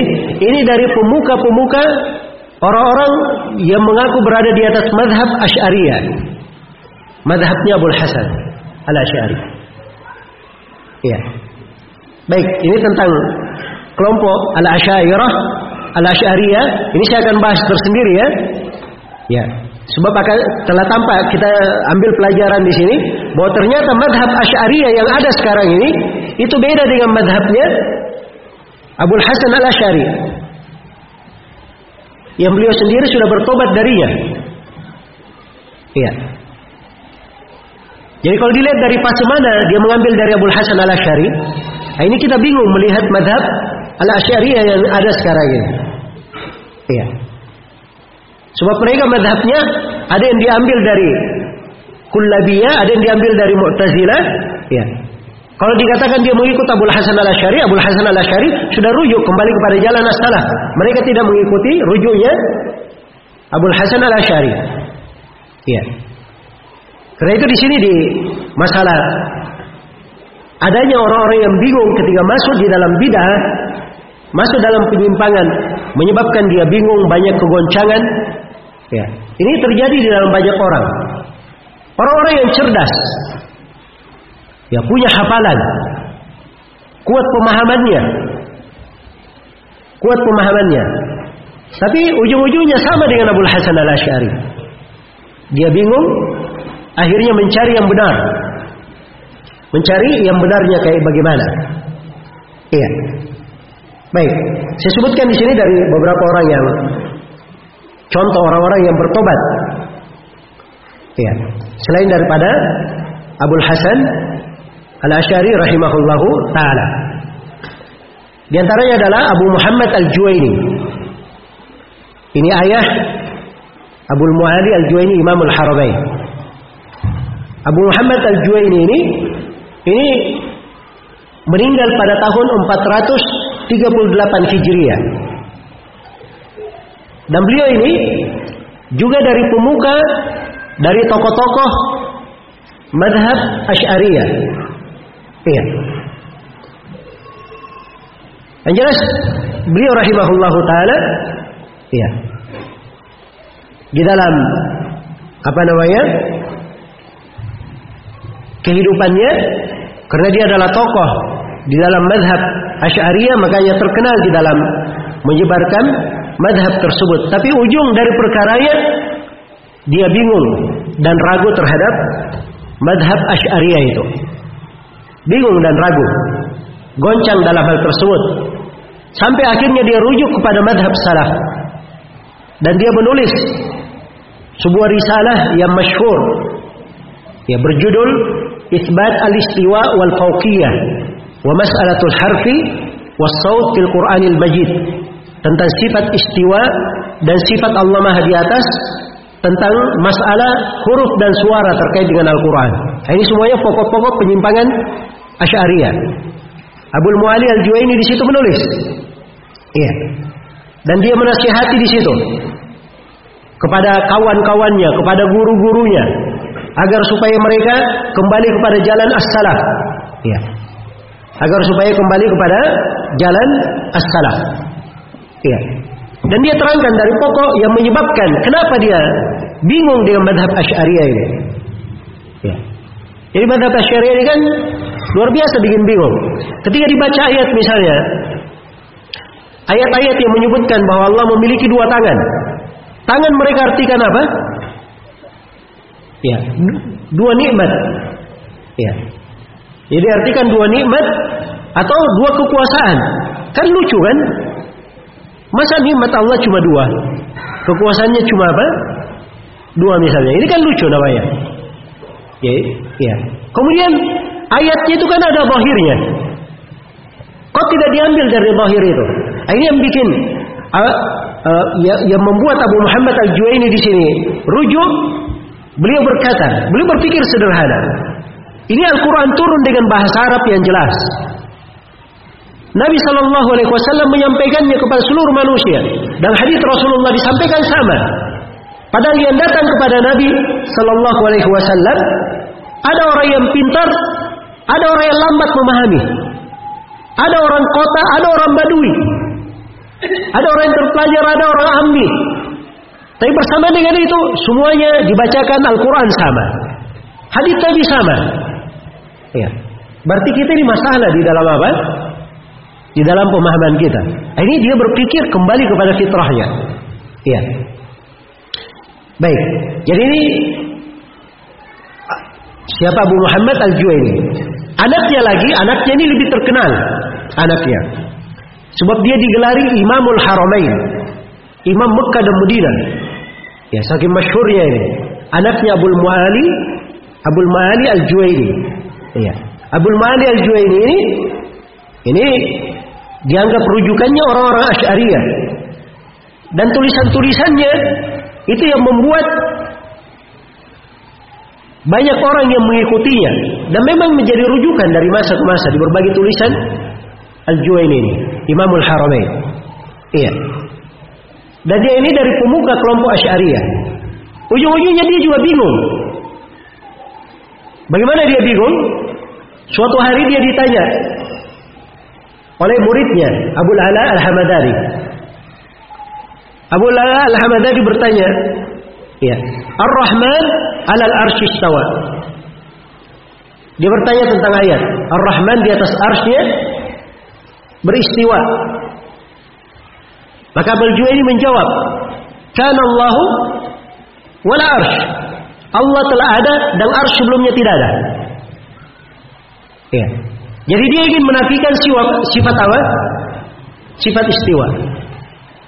Kata Abu, kata Abu Al-Ala uh, kata Abu Al-Ala Al-Hamadari, sudah saya paham apa namanya ucapanmu itu. Tapi saya sekarang ingin menjawab sesuatu yang darurat pada diriku. Perkara darurat. Ya, pada diri saya. Ya. Ini lisan katanya sebelum berbicara berdoa kepada Allah itu selalu maksudnya ke atas. Itu kan darurat kan? Sekarang kalau ada yang memohon, dia menghadap ibadah, ke mana dia mengarah? Hah? Dalam dirinya. Ke mana-mana atau ke atas? Ke atas darurat pada diri. Ya. Nah, ini bagaimana saya menjawabnya? Maka terdiam Abu Al-Mali Al-Juwairi. Ya kebingungan. Dia pukul kepalanya, berteriak. Saya bingung. Saya bingung. Ya, sampai dia keluar dari majelis. Beberapa hari setelahnya ditanya. Kata beliau, sungguhnya Abu Ala Al-Hamadani ini telah membuat saya bingung. Itu tidak bisa dia jawab dengan dalil akal apa yang dia jawab. Ini fitrah, semuanya merasakannya darurat. Kan begitu? Seorang ketika berdoa, berdoanya ke mana? Hah? Berdoanya ke mana? Ya belum lagi dia berucap, belum mengangkat tangannya ke langit. Ini dirinya di dalam dirinya itu sudah menuju ke atas. Nggak ada yang berdoa dia ke mana-mana begini. Nah, nggak ada yang kayak begitu berdoa. Ya, itu orang mabuk ya kalau dia berdoa begini keliling-keliling. Atau dia berdoa kanan misalnya, kiri. Itu nggak ada yang seperti itu. Dia pasti memintanya ke atas. Iya. Begini sifat ketinggian Allah Subhanahu wa taala. Karena itu ini yang membuat siapa? Abdul Mahdi Al-Juwaini rahimahullahu taala dia kembali kepada madhab as-salaf dan dia menulis kitabnya Al-Aqidah An-Nizamiyah. Ya. Dan dia terangkan di situ bahwa madhab as-salaf dalam sifat-sifat itulah yang benar. Ya. Itulah yang benar dan beliau tetapkan seluruh sifat-sifat Allah sebagaimana datangnya dalam Al-Quran dan As-Sunnah. Ya. Tidak seperti madhabnya yang dahulu. Dia hanya menetapkan sebagian dari apa? Sebagian dari sifat saya. Baik. Berikutnya, di antara yang bingung juga. Kemudian tobat. Adalah Abu Hamid Al-Ghazali. Ya, siapa yang tidak kenal Abu Hamid Al-Ghazali ya? Ya. Abu Hamid Al-Ghazali wafat pada tahun 505 Hijriah. Dan dianggap dari imamnya madhab Asy'ariyah, orang-orang Asy'ariyah. Iya. Al-Ghazali ini dia orang yang dikatakan lautan di dalam ilmu kalam. Iya. Al-Ghazali. Baik. Dan di akhir hayatnya Al-Ghazali juga bertobat. Ya. Dia bingung. Jatuh dalam kebingungan. Akhirnya dia bertobat dan kembali kepada apa? Kepada jalan as-salaf rahimahullahu taala. Ya. Karena itu beliau beliau menulis dua kitab yang terkenal ya dari Abu Hamid Al-Ghazali. Ya. Beliau menulis kitab tentang Iljamul Awam yang di mana beliau melarang orang-orang membaca dari buku-buku filsafat, buku-buku ahli kalam. Dan beliau juga menulis kitab judulnya Faisul Tafriqah yang membedakan antara seorang mukmin dan zindiq. Nah, di dalam dua kitab ini itu tanpa beliau ya berlepas dari ilmu kalam ya dan telah syah dari Abu Hamid Al-Ghazali rahimahullahu taala bahwa beliau di akhir hayatnya sibuk dengan Sahih Al-Bukhari mempelajarinya. Ya, dan beliau meninggal dalam keadaan menyibukkan dirinya dengan apa? Dengan Sahih Al-Bukhari. Ini Abu Hamid Al-Ghazali. Ya, berikutnya dari tokoh Asy'ariyah adalah Asy-Syihristani. Asy-Syihristani namanya Muhammad Ibn Abdul Karim, wafat pada tahun 548 Hijriah. Ya, ini juga dia bingung setelah masuk di dalam akidah Asy'ariyah ini. Masuk di dalam pembahasan ilmu kalam. Ada dua bait syair dia yang masyhur. Dia berkata laqad tuftul ma'ahida kullaha wa sayyartu tarfi baina tilka al-ma'alimi falam ara illa wadi'a falam ara illa wadi'an kaffa hairin ala dhaqmin aw qari'an sinna nadimi Kata beliau saya sudah berkeliling ke seluruh pondok-pondok, mahat-mahat dan saya sudah memperjalankan ya, seluruh anggota badanku ini di berbagai pelosok. Dan saya tidak melihat orang yang belajar ilmu filsafat ini, ilmu kalam ini, saya tidak melihat mereka kecuali orang yang meletakkan tangannya begini di atas dagunya dalam keadaan dia bingung atau orang yang menggerutukan giginya penuh dengan penyesalan. Itu aja yang dia dapatkan. Iya. Jadi ini dia berkata dia sudah keliling-keliling ke semua pondok. Nah, ini pondok mana dulu yang dia datangi? Kan begitu. Nah, karena itu dibantah oleh Imam As-Sunani rahimahullah. As-Sunani berkata, "La'allaka ahmalta tawafa bima'hadi ar-rasuli wa man walahu min kulli alimi." Fama harama yahdi bihadi Muhammadin walasta tarahu qari'an sinna nadimi. Kata Sonani barangkali kamu itu tidak pernah berkeliling di pondoknya Rasulullah sallallahu alaihi wasallam dan siapa yang mengikuti beliau dari setiap alim ulama. Sebab orang yang mengambil petunjuk Nabi sallallahu alaihi wasallam tidak akan mungkin kebingungan. Dan engkau tidak akan melihat dia apa namanya dalam keadaan dia menyesal. Ya. Jadi ini Asyir Histani. Ya, dan ucapannya dalam akan kebingungannya dapat banyak dan di antara yang masyhur juga Ada Abu Abdullah Fakhruddin Ar-Razi. Ya, ini siapa yang tidak kenal ya? Fakhruddin Ar-Razi. Wafat pada tahun 606 Hijriah. Ini dari pemuka, dari pemuka kelompok Asy'ariyah. Ya. Fakhruddin Ar-Razi ini yang bikin kaidah-kaidah sendiri. Ya. Sehingga dia syaratkan dalam mengambil faedah, mengambil manfaat dari Al-Quran dan Sunnah, keyakinan di dalamnya disyaratkan 10 syarat oleh dia. Ya. Dia juga punya kaidah yang bernama Al-Qanun Al-Kulli. Ya. Tapi bersamaan dengan itu dia berucap apa? Ya. Ada tiga bait yang masyhur darinya. Nihayatu ikdamil uquli iqalu arwahuna fi wahsyatin min jusumina. Wa hasilu dunyana adan wa wabalu. Wa lam nastafid min bahdina tula umrina. Siwa an jama'na fihi kila wa qalu. Kata beliau dan akhir orang yang mengedepankan akalnya itu menjadi iqal semraut ya.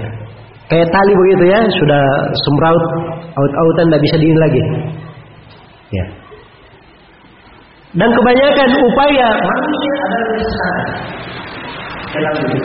Ruh-ruh kami itu puas dalam jasad-jasad kami. Dan hasil dari dunia kami hanyalah gabungan dari iman. Kami tidak dapat manfaat dari pembahasan kami sepanjang sepanjang kami hidup ini.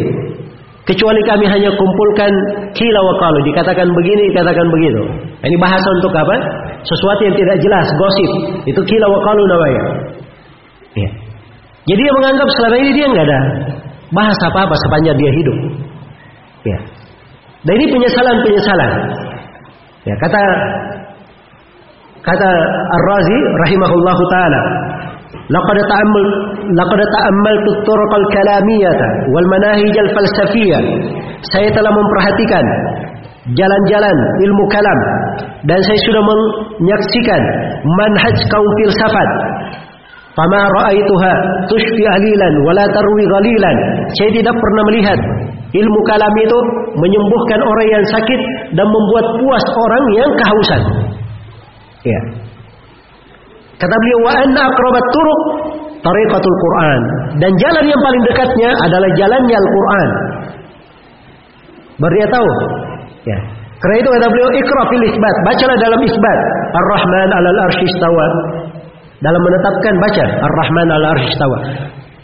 Tetapkan sifat istiwa Allah di atas arnya. Selesai. Ya. Kemudian baca dalam nafi laisa kamitslihi syai. Allah tidak serupa dengan sesuatu apa pun. Selesai kan begitu? Ya. Kalau dulu Nah seperti ini orang filsafat. Kalau dia baca Ar-Rahman alal arsy istawa, dia tanya, istiwa itu apa? Iya. Kenapa bisa seperti itu? Terus bagaimana? Nah, ini banyak pertanyaannya mereka. Iya. Jadi masuk dalam bidah seperti ini, ujung-ujungnya dia pasti bingung, kurang di dalam mengagungkan nas. Kalau dia seorang mukmin, sami'na wa kan begitu. Iya. Dibacakan dalam Al-Quran Ar-Rahman alal arsyistawa Ar-Rahman Nama Allah Ar-Rahman jelas maknanya. Ya, yang maha merahmati Yang maha luas rahmatnya. Istawa Allah beristiwa. Istiwa dalam bahasa Arab dikenal maknanya. Istiwa itu dalam bahasa Arab Tidak keluar dari empat makna. Dia bermakna al-ulu Al-irtifa, as-sa'ud Dan al-istiqrar Ini empat makna dari istiwa Iya. Jadi ada mana yang dikenal. Mana yang dikenal? Ya. Di tengah para ulama rahimahullah taala. Jadi kalau seorang membaca seperti itu nikmat. Ya. Dalam menafikan cukup dia baca laisa kamitslihi syai. Allah tidak serupa dengan suatu apa pun. Kalau dulu mempelajari filsafat, oh ini panjang penafiannya. Ya. Panjang penafiannya. Ini filsafat bahayanya. Karena mereka itu masuk di dalam nafi secara tafsil, secara terperinci. Dan ini menyelisih jalannya para nabi dan para rasul. Karena itu dalam Al-Quran kalau dinafikan, nafikan itu nafi global saja. Ya, kalau ada rincian pada hal yang tepat. Kalau ada rincian. Jelas ya? Nah, itu yang benarnya, yang paling layaknya manusia saja layaknya begitu. Ya. Kalau ada presiden misalnya, Pak Presiden, ya, kamu ini baik. Ya, kamu bukan tukang sapu, ya, bukan tukang sampah, bukan tukang cukur. Ya, kamu apa namanya? Bukan begini, bukan begini. Kan itu merendahkan kedudukannya ketika dirinci. Tapi kalau dikatakan Pak Presiden, kamu ini ya apa sangat hebat sekali. Tidak ada dari rakyatmu yang semisal denganmu. Nah, ini kan menunjukkan apa? Pengagumuan lebih besar daripada itu. Masuk dalam rincian itu kadang membuat kurang yang disifatkan. Iya. Maka di sini Ar-Razi sendiri mengakui sudah bahwa jalannya para salaf yang lebih iman. Baca ayat tetapkan, dinafikan dinafikan. Selesai. Ya. Kemudian kata beliau, "Wa man jarraba mithla tajribati arafa mithla ma'rifati." Siapa yang melakukan percobaan seperti percobaanku, ya, berpengalaman seperti pengalamanku, maka dia akan mengetahui seperti apa yang saya ketahui. Ya, seperti yang saya ketahui. Ya, karena itu tidak usah apa namanya. Ada yang berkata, oh saya kalau begitu saya belajar ilmu filsafat supaya saya tahu sesatnya orang-orang filsafat. Ya, jangan jadi pahlawan kesiangan. Ini orang-orang lebih cerdas. Ya, para imam, para tokoh. Mereka semuanya ahli dalam filsafat. Jago di dalam debat. Ujung-ujungnya mereka menyesal. Ya. Dan ini dari hal yang hendaknya dipahami. Baik. Kemudian yang ketiga dari pelajaran juga yang ingin kita petik di sini, kita mengambil pelajaran bahwa subhanallah setiap orang yang bertobat itu dia kembali kepada jalan as-salaf. Kembalinya kepada jalan para ulama ahli sunnah. Iya. Ini Abu Hasan al Ashari dia ikut kepada jalannya Imam Ahmad rahimahullah. Imam Ahmad itu simbol ahli sunnah di masanya. Simbol ahli sunnah di masanya.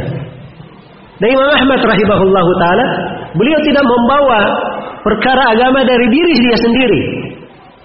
Itu yang beliau pelajari dari Al-Quran dan Hadis. Itu yang beliau pelajari dari guru-guru beliau. Guru-guru beliau mengambil dari guru-gurunya sampai kepada sahabat. Sahabat mengambilnya kepada siapa? Nabi Shallallahu Alaihi Wasallam. Itu jalan mereka. Rahimahullah taala. Iya. Dan ini dari bukti yang sangat besar menunjukkan kelurusan jalan siapa yang menempuh jalan para jalannya Nabi Shallallahu Alaihi Wasallam dan para sahabatnya. Dan itulah jalannya para as yang wajib untuk kita ikuti. Karena dalam Al-Quran Allah Subhanahu Wa Taala mengancam siapa yang tidak mengikuti jalannya para as jalannya para sahabat Rasulullah Shallallahu Alaihi Wasallam. Allah berfirman, "Wa man yushakkikir rasula min ba'di ma tabayyana lahu al-huda wa yattabi' ghayra sabilil mu'minin nuwallihi ma tawalla wa nuslihi jahannam wa sa'at masira." Barang siapa yang durhaka kepada Rasul setelah tampak jelas jalan petunjuk dan dia mengikuti jalan selain kaum mukminin. Ya, siapa kaum mukminin di masa itu? Para sahabat Nabi sallallahu alaihi wasallam. Jadi ini ayat ancaman terhadap dua orang. Yang pertama orang yang adalah tidak mengikuti jalannya, jalannya para sahabat. Maka ancamannya nuwallihi matawalla. Kami akan biarkan dia larut di dalam kesesatannya. Wa nuslihi jahannam dan kami akan masukkan dia ke dalam neraka jahannam. Wa sa'at masira. Dan itu adalah sejelek-jelek tempat kembali. Karena itu mengikuti jalan para salaf itu bukan alternatif, boleh ikut boleh tidak. Ini ciri seorang di atas kebenaran atau tidak. Iya. Dia memahami Al-Quran dan Sunnah sesuai dengan jalan salaf, ah, itulah kebenaran. Karena itu kalau kita lihat di sini Abu Hasan al Ashari, ukuran dia benar setelah dia mengikuti jalannya Imam Ahmad rahimahullah taala. Dan itu ditegaskan oleh Abu Hasan al Ashari di bukunya Al-Ibana. Diterangkan ini madhab ahli sunnah di atas madhabnya siapa? Al-Imam Ahmad rahimahullah taala. Iya. Dan Imam Ahmad sama pendapatnya dengan para ulama yang lainnya. Para imam yang lainnya. Tidak ada silam pendapat. Ya, ini masalah keyakinan. Bukan masalah sederhana, bukan pula masalah yang tidak terang. Dia masalah yang sangat jelas. Masalah yang sangat jelas. Sebab ini adalah pokok dari apa? Pokok dari keislaman. Iya. Baik, ini ada penyampaian ya. Tolong mobil Tolong diperhatikan ya kalau kita berada di apa namanya di tempat umum, kita jangan menghalangi ya jalan orang-orang yang berjalan berlalu lalang. Ya. Jangan mentang-mentang pengajian tapi apa? Parkir sembarangan. Nah, itu tidak benar ya. Tidak benar. Ya, pernah ada sahabat berjihad, keluar berjihad. Ya, Nabi sallallahu alaihi wasallam ingatkan, dayyaqa manzilan aw qata'a tariqan aw ada mu'minan fala jihadalah. Siapa yang mempersempit tempat singgahnya orang atau dia memutus jalannya orang atau dia mengganggu seorang mukmin, maka tidak ada jihad bagi dia. Ya, jangan sampai tidak ada pengajian bagi dia ya. Baik. Jadi perhatikan ya kawan-kawan yang punya kendaraan motor maupun mobil itu selalu diperhatikan. Jangan mengganggu jalan orang. Ya. Bagus dia parkir jauh-jauh, nggak apa-apa dia jalan kan banyak pahalanya dia jalan ya. Dapat pahala. Iya. Saya lanjutkan ya. Jadi terkait dengan mengikuti jalan para salaf ini, ini jadi barometer jadi barometer kebenaran. Allah yang menjadikannya sebagai barometer kebenaran. Ya. Di dalam Al-Quran di surah Al-Baqarah Allah Subhanahu wa taala berfirman, "Fain amanu bimithli ma amantum bihi faqad ihtadaw." Kalau mereka beriman, ya, mereka yang kaum musyrikin ini atau siapa yang semisal dengan mereka, kalau mereka ini beriman seperti keimanan kalian wahai para sahabat, maka mereka di atas petunjuk. Jadi ukuran hidayah kalau di atas jalannya siapa? Para sahabat Rasulullah sallallahu alaihi wasallam. Ini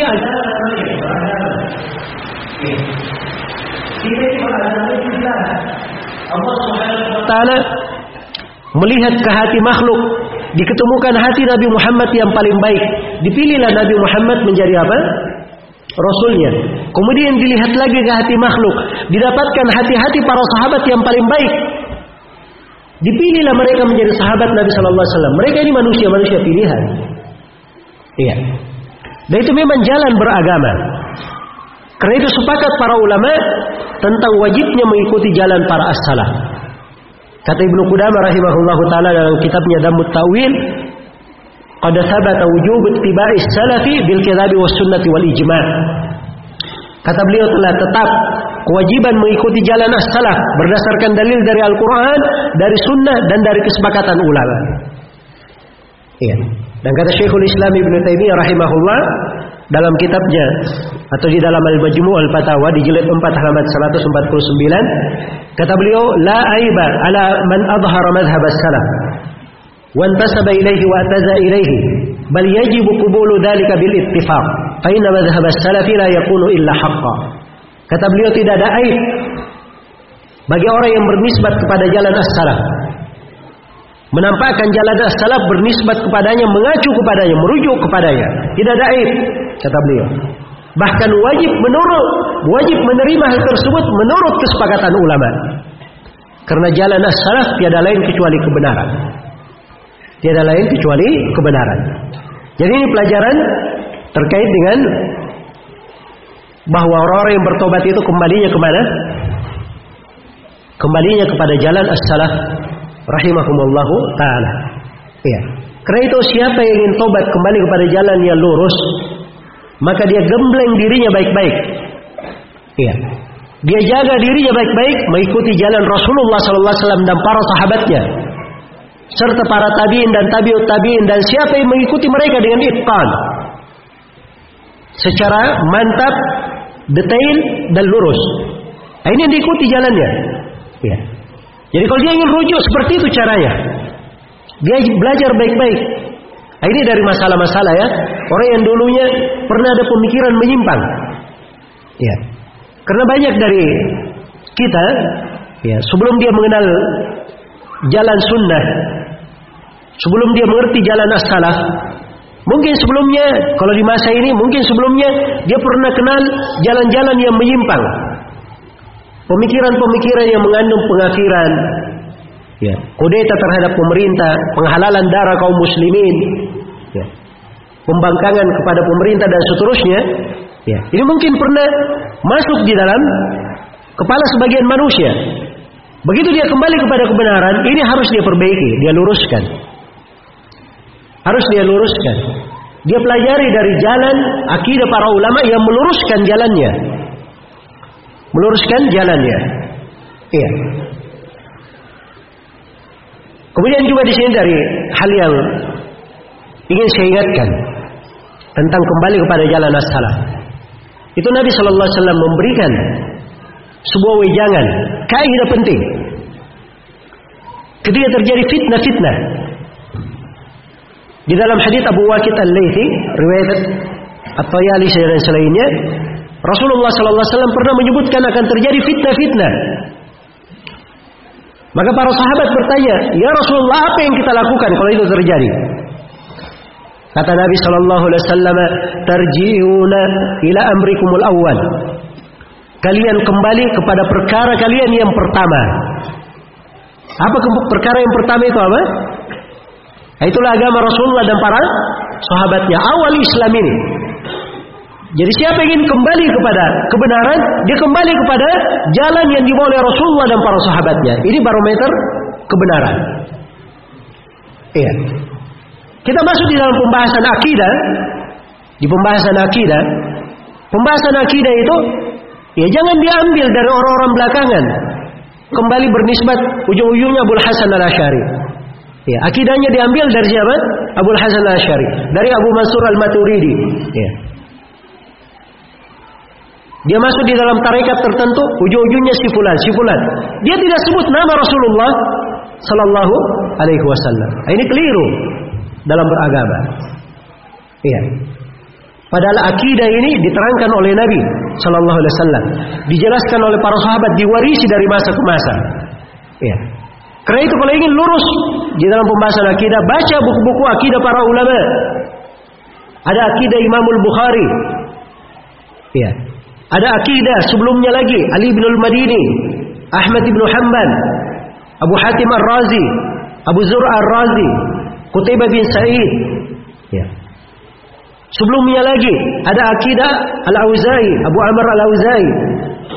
Rahimahumullah taala. Ya para imam empat, ada Abu Hanifah, Imam Malik, Imam Syafi'i, Imam Ahmad. Ya. Ini lengkap buku akidah mereka. Sebelumnya dan setelahnya. Banyak sekali dari buku-buku akidah yang kecil, yang sedang, yang besar. Ya, ingin ringkas ada. Ingin pertengahan ada, dengan sanatnya ada. Baca buku-buku asli namanya itu. Akidah bersambung kepada Nabi sallallahu alaihi wasallam. Al-Bukhari punya 1080 orang guru. Ya. Al-Bukhari punya berapa? 1080 orang guru. Dari guru-gurunya tidak ada yang berselisih dalam pembahasan-pembahasan akidah yang beliau sebutkan. Beliau sebutkan 10 pembahasan akidah. Ada di dalam akidah Imam Al-Bukhari. Dan di dalam Sahih Al-Bukhari ada kitab Tauhid. Itu pokok-pokok pembahasan akidah beliau uraikan di situ. Diterima oleh umat dari masa ke masa. Iya. Baca akidah yang seperti ini sumbernya jelas dari Nabi sallallahu alaihi wasallam. Adapun baca dari orang belakangan, sekarang kalau tanya dari orang belakangan buku apa yang kita pelajari, disebut buku orang-orang belakangan. Ujung-ujungnya ke mana?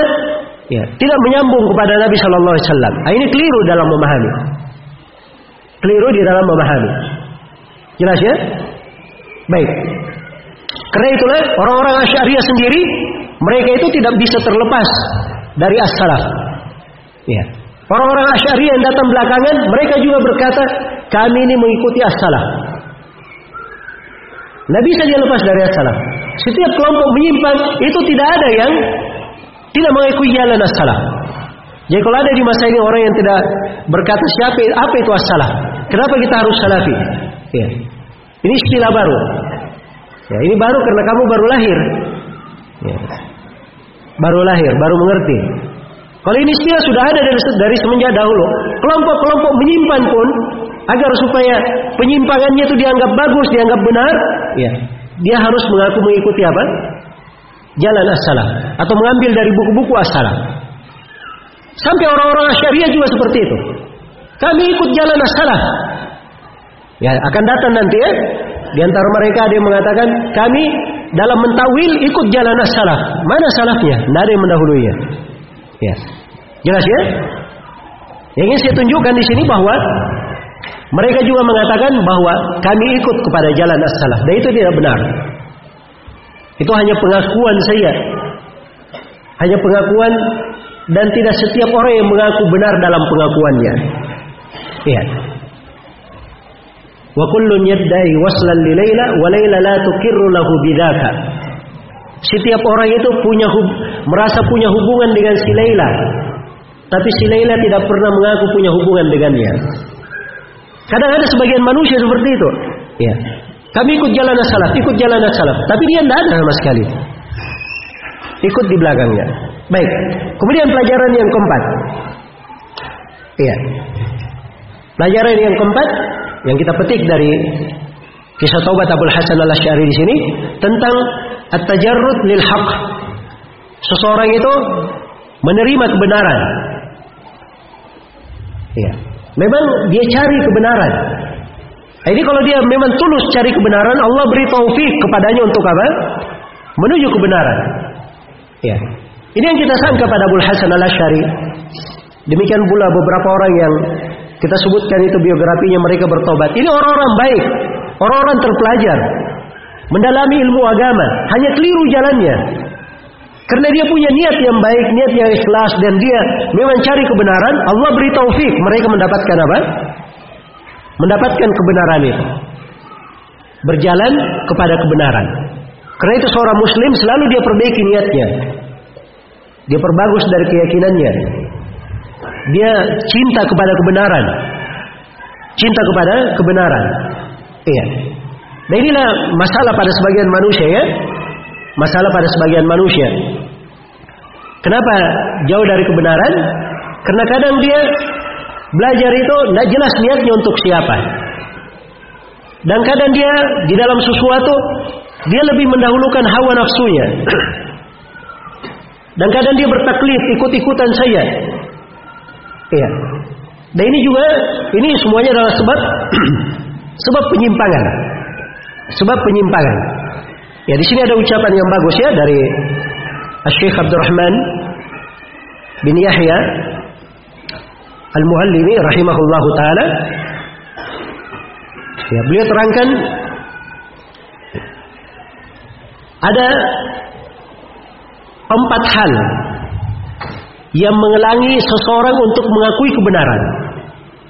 Ada empat hal yang menghalangi menghalangi sesuatu.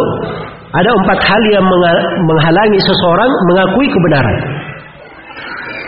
Iya. Yang pertama, dia melihat dirinya.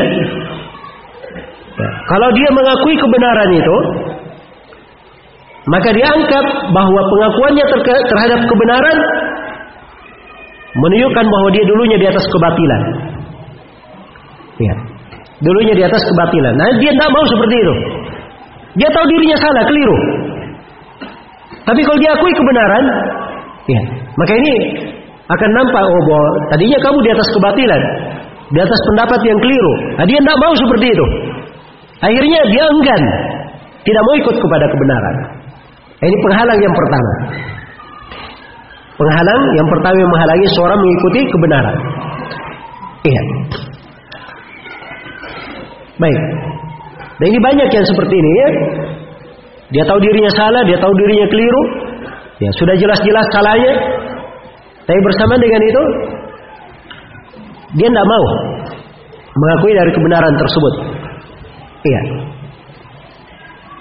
Sebab dia khawatir orang-orang tahu bahwa dia dulunya di atas kebatilan di atas kekeliruan. Ya. Dan ini bahaya juga sifat yang seperti ini. Karena dia membuat kebenaran itu jadi meragukan. Kebenaran itu menjadi apa? Meragukan. Ya. Penyimpangan-penyimpangan itu banyak ya. Ada penyimpangan yang jauh sekali. Ya. Ada yang penyimpangan yang sedang-sedang. Ada yang penyimpangan dekat. Maksudnya dia dekat kepada sunnah. Penyimpangannya nggak jauh. Ya. Baik. Ini bertingkat-tingkat penyimpangan.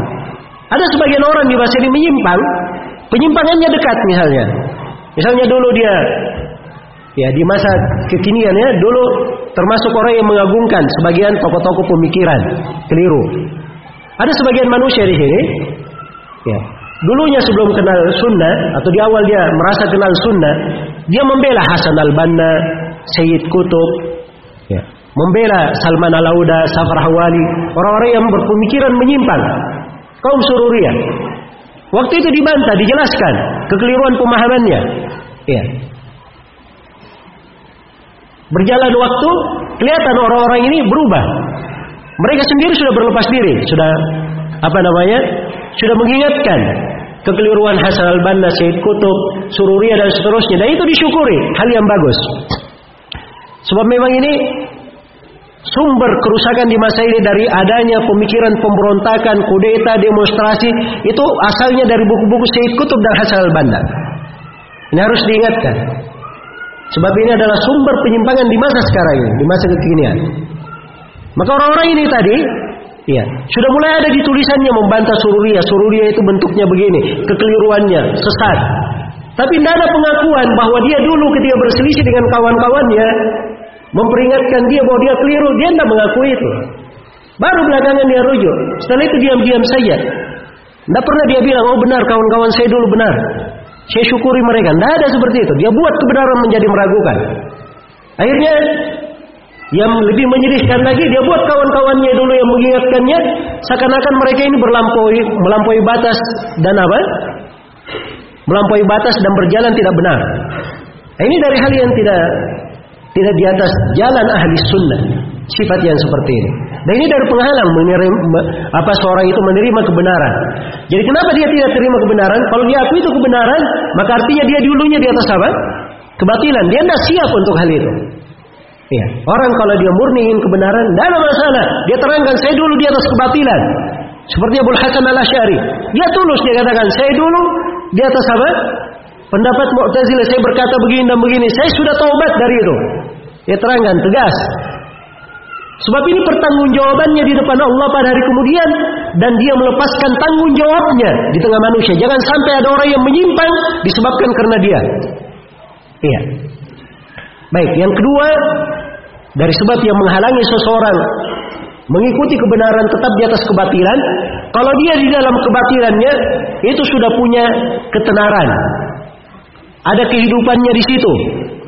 Dia punya kedudukan di situ. Nah, biasanya ini susah. Ya. Ini yang dibahas bukan lagi masalah keyakinan. Bukan lagi masalah beda pendapat. Yang dibahas masalah beda penghasilan. Nah, ya. Nah, itu yang dibahas nanti. Jadi ujung-ujungnya karena dia sudah punya ke apa namanya penghasilan di bidangnya, di kesesatannya. Begitu diingatkan kesesatannya, wah ini kalau kesesatan saya ini saya tutup, ya betapa banyak kantong saya yang apa? Kantong penghasilan saya yang tertutup. Akhirnya dia tetap di atas apa? Kebatilannya, nasallallahu alaihi Kemudian yang ketiga dari sebab yang menghalangi seorang dari kebenaran, kata Syekh Abdurrahman Al-Muallimi adalah al-kibr, dia bersombong. Ya. Dia di atas kejahilan, di atas kebatilan. Datang manusia, datang seseorang mengingatkan kepadanya, menerangkan hujah terhadapnya. Ya. Dia berkata pada dirinya, kalau saya terima kebenaran ini, ini artinya saya dulu kurang. Artinya saya dulu orang yang apa namanya pengetahuannya tidak mendalam. Nah, ini namanya sombong namanya. Iya. Sombong. Dan ini dosa besar dosa besar. Bahkan di sebagian bentuk kesombongan ada yang lebih daripada itu. Jangan dia berpikir di sini dia tolak kebenaran, ya, adalah hal yang ringan. Kebenaran itu datangnya dari Allah. Dari Asmaul Husna, dari nama Allah adalah nama Al-Haq yang maha benar. Allah cinta kepada kebenaran. Kebenaran dia sombong menerimanya. Ya. Ini bukan sifat seorang mukmin yang baik. Karena itulah apabila datang kebenaran, siapa pun yang menerangkan dia terima, merendah hati. Manusia dia tidak dari manusia luput dari kesalahan. Tidak dari manusia luput dari apa? Kesalahan. Iya. Baik. Subhanallah, ada seorang imam besar di masa ya, Abu Wafa Ibnu Akil Al-Hambali rahimahullahu taala. Ibnu Akil Al-Hambali ini dia pernah menulis sebuah tulisan. Yang tulisan ini diingkari oleh para ulama di masanya. Beliau dihukumi sebagai ahlul bidah. Bahkan dengan tulisan ini ada yang sampai menghukuminya keluar dari Islam. Dan Ibnu Akil Al-Hambali telah bertobat dari hal tersebut. Dia tobat. Dan disebutkan tobatnya itu taubatan nasuha, tobat dengan sebenar-benar apa? Tobat yang sebenar-benar tobat. Tobatnya Ibnu Akil ini, bukan tobat main-main. Ya. Dari tobatnya Ibnu Akil rahimahullahu taala. Tapi bersamaan dengan itu Imam Ibnu Qudamah Al-Hambali rahimahullah beliau tetap menulis tulisan khusus membantah kebatilan-kebatilan Ibnu Akil walaupun dia sudah tobat. Iya. Di dalam bukunya yang berjudul Tahrimun Nadar fi Kutubil Kalam. Iya. Tahrimun Nadar fi Kutubil Kalam. Ya. Setelah di bukunya setelah baca bawakan apa namanya kata pendahuluan langsung beliau berkatakan amma ba'du fa ini waqaftu ala fadihati ibnu akil allati sammaha nasiha. Katanya amma ba'du saya telah mendapati fadihah ya keborokan ibnu akil yang dia sebut sebagai nasihat. Langsung tidak ada teling-aling langsung diterangkan oleh ibnu Qudamah rahimahullah dia jelaskan tentang kebatilannya. Kemudian beliau katakan, "Walaula annahu qad taba ila Allah taala minha wa tanassala wa raja'a anhu wa astaghfara Allah taala min jami' ma takallama bi min al-bid'ah أو كتبه بخطه أو صنفه نصب إليه لعددناه في جملة الزنادقة والحقناه بالمبتدئة المارقة Kata Ibnu Qudamah andai kata bukan karena Ibnu Wakil sudah bertobat kepada Allah dari bidah-bidah ini, dan dia sudah rujuk darinya, sudah beristighfar kepada Allah dari segala yang dia ucapkan dari bidah ataupun dia tulis dengan tangannya ataupun dia sebutkan di dalam karyanya atau dinisbatkan kepadanya, andai kata dia belum rujuk, kami sudah hitung dia termasuk orang-orang zindik dan kaum ahlul bidah yang keluar. Walakinnahu taba wa anab. Tapi dia telah bertobat dan kembali kepada Allah. Sudah tobat, sudah kembali, masih juga diterangkan kesesatannya oleh siapa? Ibnu Qudamah. Ini bukan masalah orang tobat tidaknya. Ini masalah kesesatan tersebar di tengah manusia. Kalau tidak diterangkan, orang-orang akan tertipu. Karena itu Ibnu Qudamah menjelaskannya. Sama dengan Abu Hasan al Ashari, sudah lama, beliau sudah bertobat. Ya, sudah bertobat. Pasti yang ketiga. Tapi ada buku-buku yang beliau tulis di pasti yang kedua, pasti pertama. Ya, karena itu para ulama dari masa ke masa masih menerangkan kesesatan pemikiran Abu Hasan al Ashari yang dahulu. Sekaligus dibantu Abu Hasan al Ashari pemikirannya yang baru yang mengikuti jalan salaf disebarkan. Nah, ini pemikiran dia di buku barunya agar supaya orang-orang tahu bahwa Abu Hasan al Ashari ini sudah bertobat. Jangan lagi ada yang mengikuti ucapannya apa? Ucapannya yang dahulu. Baik.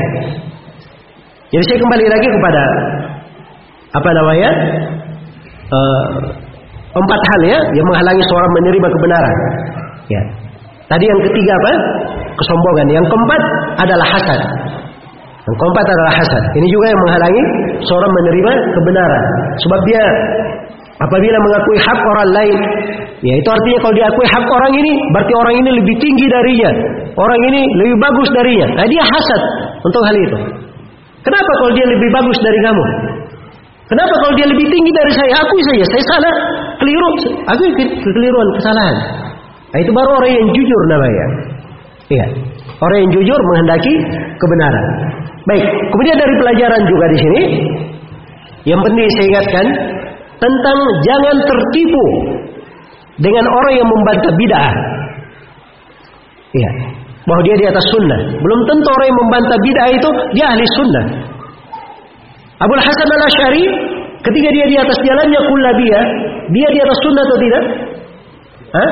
Dia masih menyimpang. Karena orang-orang kullabiyah ini diperingatkan kesesatannya oleh Imam Ahmad dan selainnya. Mereka membantah Mu'tazilah. Ya, membantah penyimpangan Mu'tazilah bagus atau tidak? Bagus kan? Ya, tapi bukan artinya dia di atas sunnah. Jelas ya? Karena itu kata Marwan bin Muhammad At-Tatiri rahimahullahu taala, "Salasatun la yu'tamanuna fi dinihi." Atau la yu'tamanuna fi din. Ada tiga orang, jangan dipercayai dalam masalah agama. Ada tiga orang kata beliau, jangan dipercayai dalam masalah apa?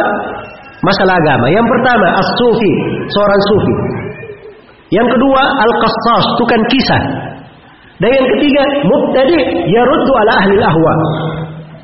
Seorang ahlul bidah dia membantah ahlul bidah yang lainnya. Jangan kamu percaya. Iya. Dan ucapan Marwan bin Muhammad At-Tatiri disebutkan oleh Al-Qadhi Iyad rahimahullahu taala di dalam tertib Al-Madarik. Iya.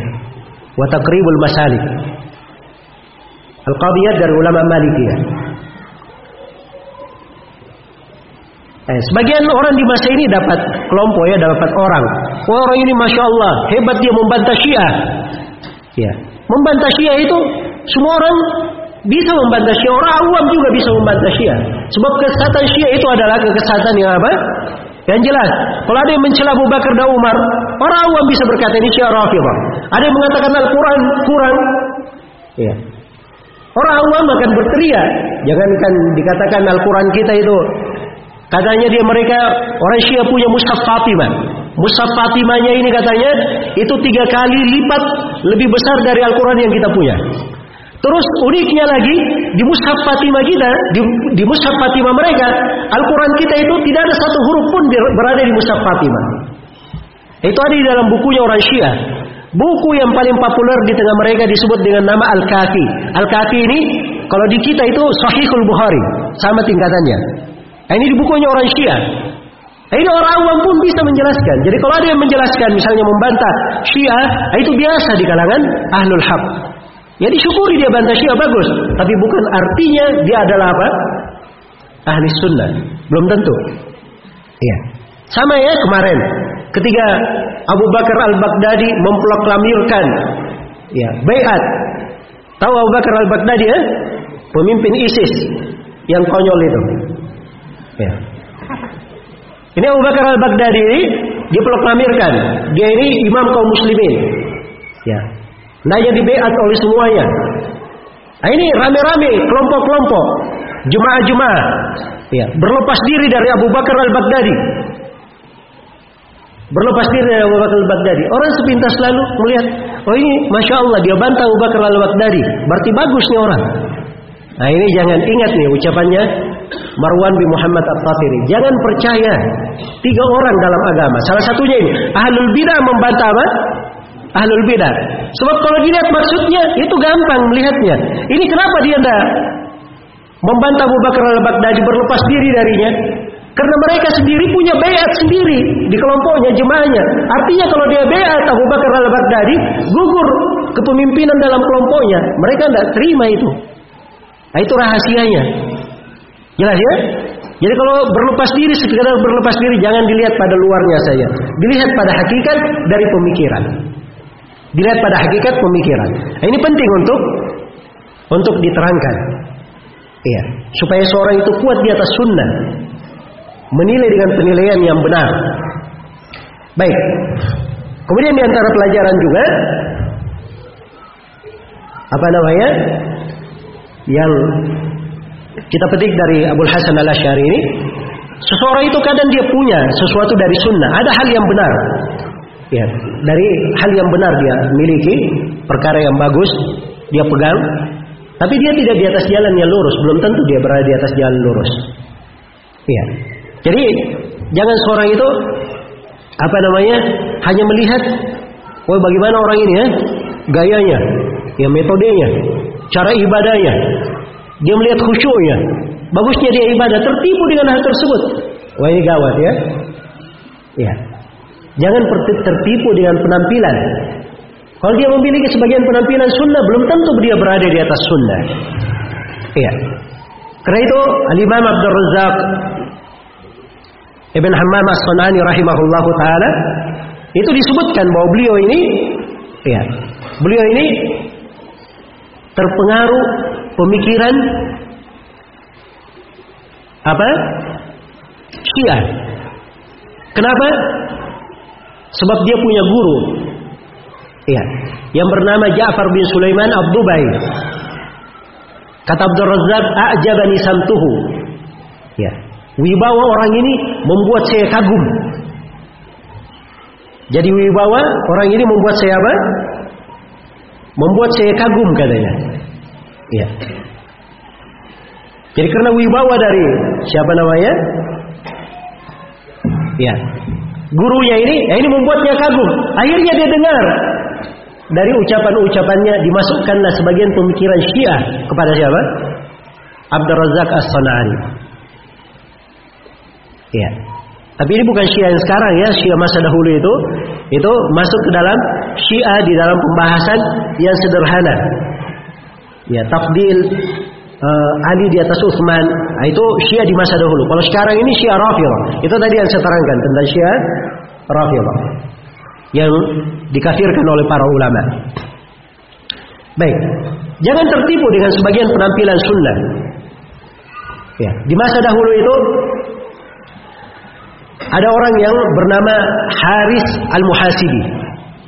Haris Al-Muhasibi ini, Masya Allah, dia punya buku-buku terkait dengan zuhud, terkait dengan nasihat dan hati.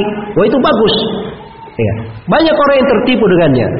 Tapi Imam Ahmad rahimahullah taala itu berbicara tegas kepadanya. Ya. Imam Ahmad berbicara tegas kepadanya dan memperingatkan murid-muridnya agar supaya jangan ada yang mendekatinya. Jangan ada yang mendekatinya. Ya.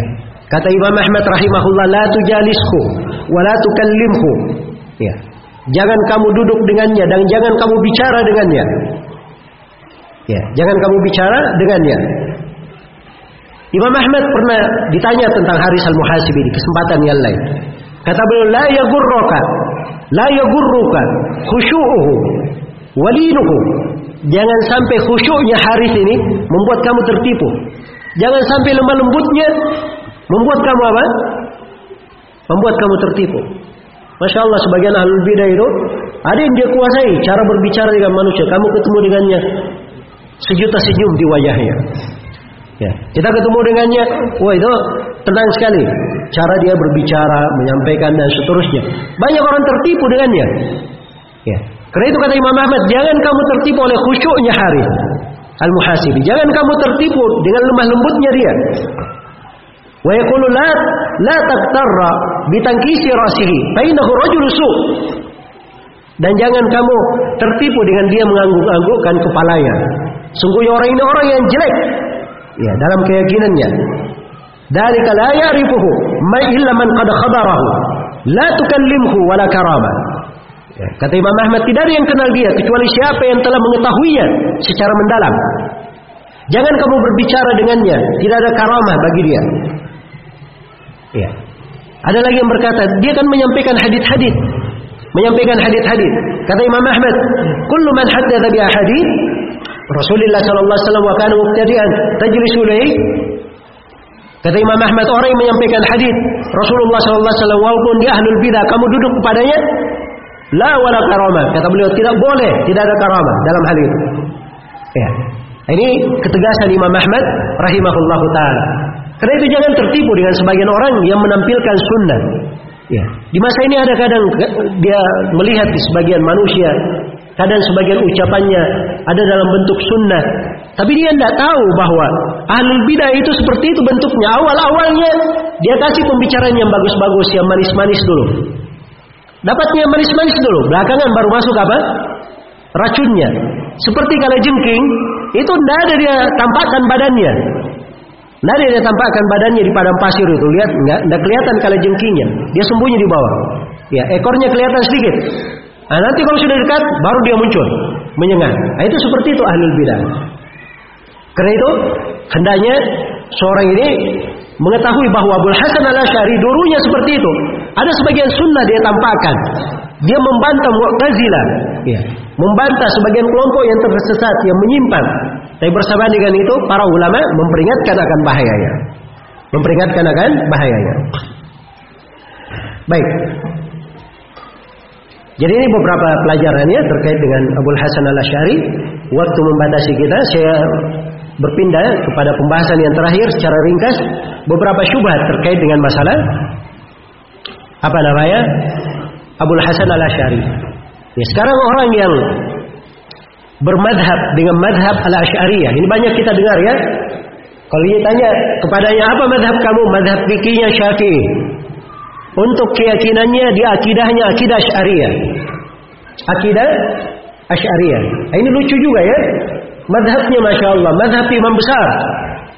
Imam Syafi'i. Iya. Akidahnya kok bukan akidah Imam Syafi'i. Akidahnya malah akidah siapa? Al-Asy'ariyah. Baik Al-Asy'ariyah ini nisbat kepada siapa? Nisbat kepada Abu Hasan Al-Asy'ari. Iya. Kami mengikuti Abu Hasan Al-Asy'ari. Abu Hasan Al-Asy'ari ikut jalan as-salaf. Nah, ini dusta dalam dua hal. Pertama, dia tidak mengikuti jalan as-salaf. Yang kedua, Abu Hasan Al-Asy'ari sendiri sudah tobat dari pemikirannya. Dia sendiri sudah bertobat dari apa? Dari pemikirannya. Baik, saya akan beri contoh ya. Pemikiran Abu Hasan Al-Asy'ari dia sudah tobat dari sebutkan di sini sebuah syubhat ya yang kadang melekat di hati sebagian manusia.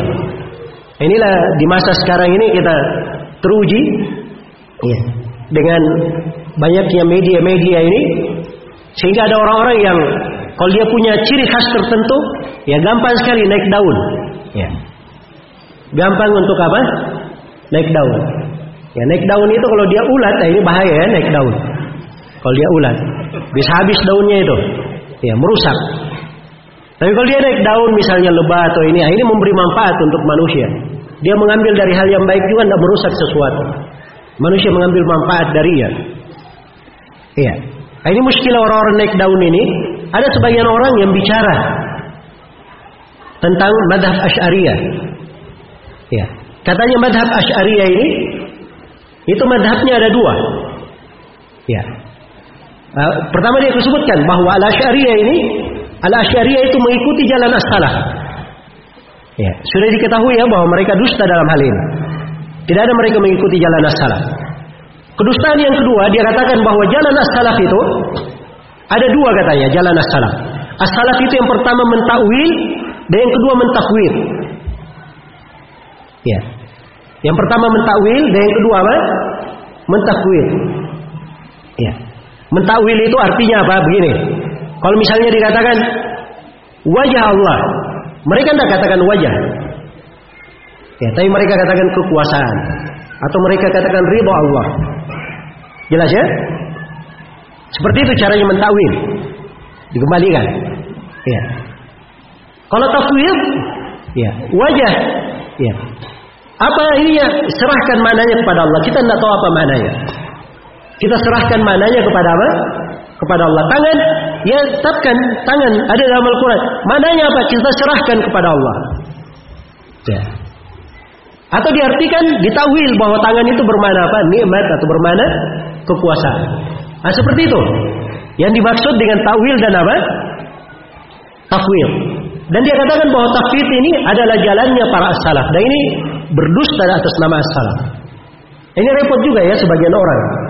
Ya, seperti yang saya sebut ini tadi, ya, daun ini. Cuma bisa melucu saja melawak di sana sini. Ya. Bisa melawak sampai ke luar negeri, kemudian dia mengatakan bahwa jalannya para as-salaf adalah apa? Mentakwil dan mentafwid. Ya. Coba lihat dari lucu-lucunya ya. Apa buktinya salaf katanya mentawil? Imamul Bukhari berkata, ini bahasa dia. Imamul Bukhari berkata tentang ayat, "Wa yabqa wajhu rabbika bil jalali wal ikram." Ya. Dan kekallah wajah Rabbmu yang memiliki kekuasaan. Wajah Rabbmu yang memiliki keagungan dan kemuliaan. Nah, wajah Rabbmu ini ditakwil oleh Al-Bukhari. Al-Bukhari berkata illa mulkahu kecuali kekuasaannya. Wajah ditafsirkan kekuasaan. Yang pertama orang ini sudah salah baca ayat. Dia tidak nukil. Al-Bukhari bukan menjelaskan ayat itu di dalam sahihnya. Al-Bukhari itu membahas ayat di akhir surah Al-Qasas. Kullu syai'in halikun illa wajah.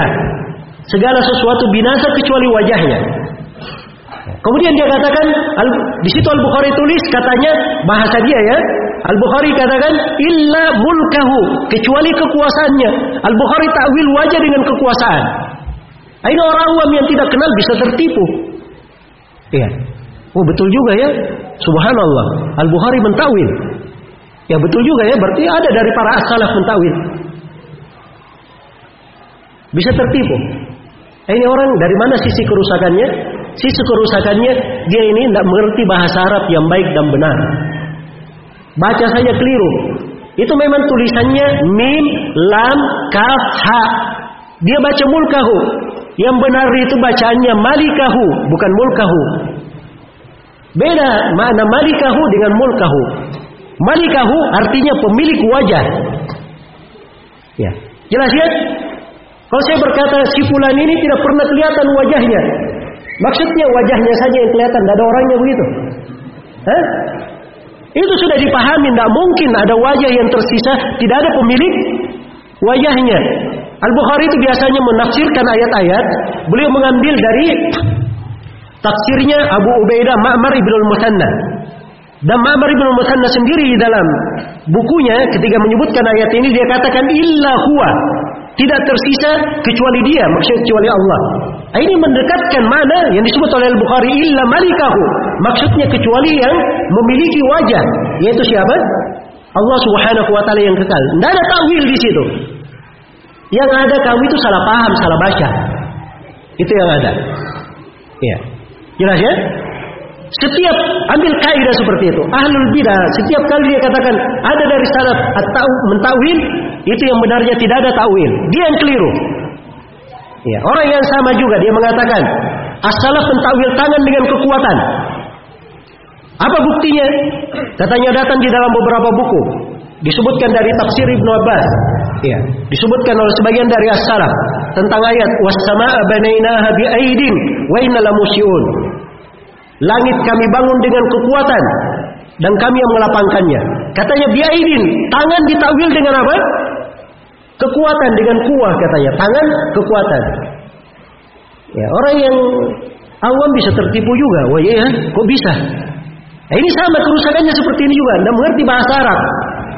Dia dia memahaminya aidin ini dari kata tangan. Padahal aidin itu dari kata ada yaidu aidan. Ya. Kalau dibahasakan dengan sorof yang lain ayyada yu'ayyidu ta'yidan kan begitu. Kalau dilipatkan ke bahasa yang lainnya. Tapi asal katanya dari ada ya'idu aidan. Ida qawiya wasyadda. Apabila dia kuat dan dan dan kekar, itu dikatakan ada ya'idu aidan. Itulah biaidin di itu, bukan tangan, bukan jama dari tangan. Ya. Nah, ini tidak mengerti bahasa Arab. Ada yang mengatakan Ibnu Abbas menakwilkan lupa dengan arti meninggalkan. Ya, itu takwil katanya. Masa lupa diartikan meninggalkan? Ya. Bukan Ibnu Abbas mentakwilkan, kamu yang keliru memahami.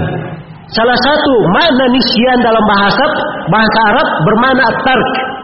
Itu dalam bahasa Arab ada di buku-buku bahasa. Tidak ada takwil dalam hal tersebut. Jelas ya? Jadi ambil kaidah siapa saja mengatakan bahwa ada dari para salaf mentawil itu dusta terhadap para salaf.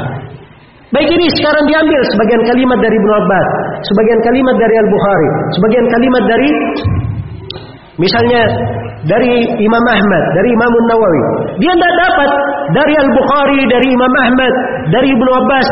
Banyak lagi ayat-ayat yang mereka tafsirkan dengan tafsir yang benar, apa dengan tafsir yang mustaqim, ya, dengan tafsir para as-salaf dan orang-orang Asy'ariyah tidak mengambil tidak mengambil penafsiran mereka. Kenapa dia tidak ambil penafsirannya? Ketika ketika misalnya Ibnu Abbas dan selainnya dari para salaf, dari para sahabat, para tabiin mentafsirkan dengan penafsiran jalan as-salaf mereka tidak ambil. Kenapa? Diambil dari hal-hal mengandung kemungkinan. Oh, para salaf pentakwil. Ya. Ini pemahamannya. yang keliru. Dari mana kekeliruannya? Ini seperti modelnya. Iya. ketenaran. Tidak belajar, tidak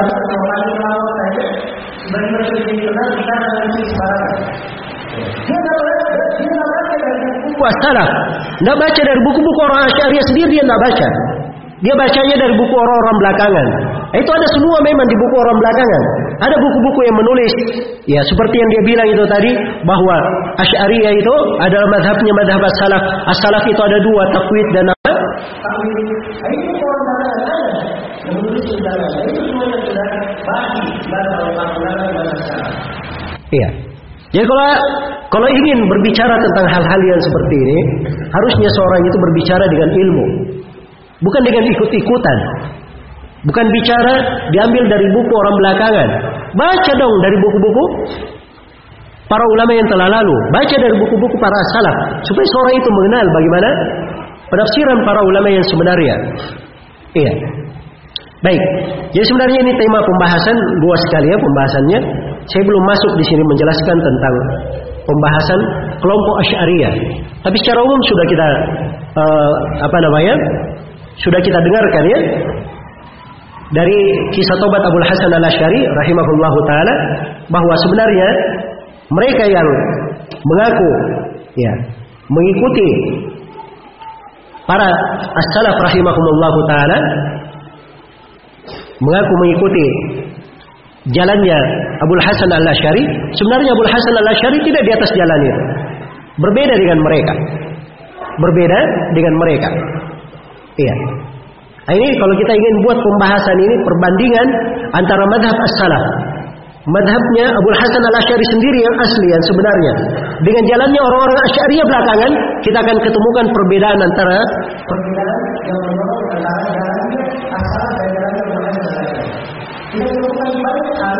Hasan al-Ash'ari mencocoki jalannya para salaf di terakhirnya. Ya, dan jalannya para salaf berbeda dengan jalannya kelompok al-Asy'ariyah yang datang belakangan. Karena itu pengakuan itu tidak cukup dianggap sebagai apa? Suatu bukti terhadap kebenaran ya Allah taala. Baik. Saya pikir cukup dulu ya untuk materi kita. Semoga Allah Subhanahu wa taala memberi taufik kepada semuanya. Wallahu taala alam. Subhanakallahumma wa bihamdik, asyhadu an la ilaha illa anta, astaghfiruka wa atubu ilaik.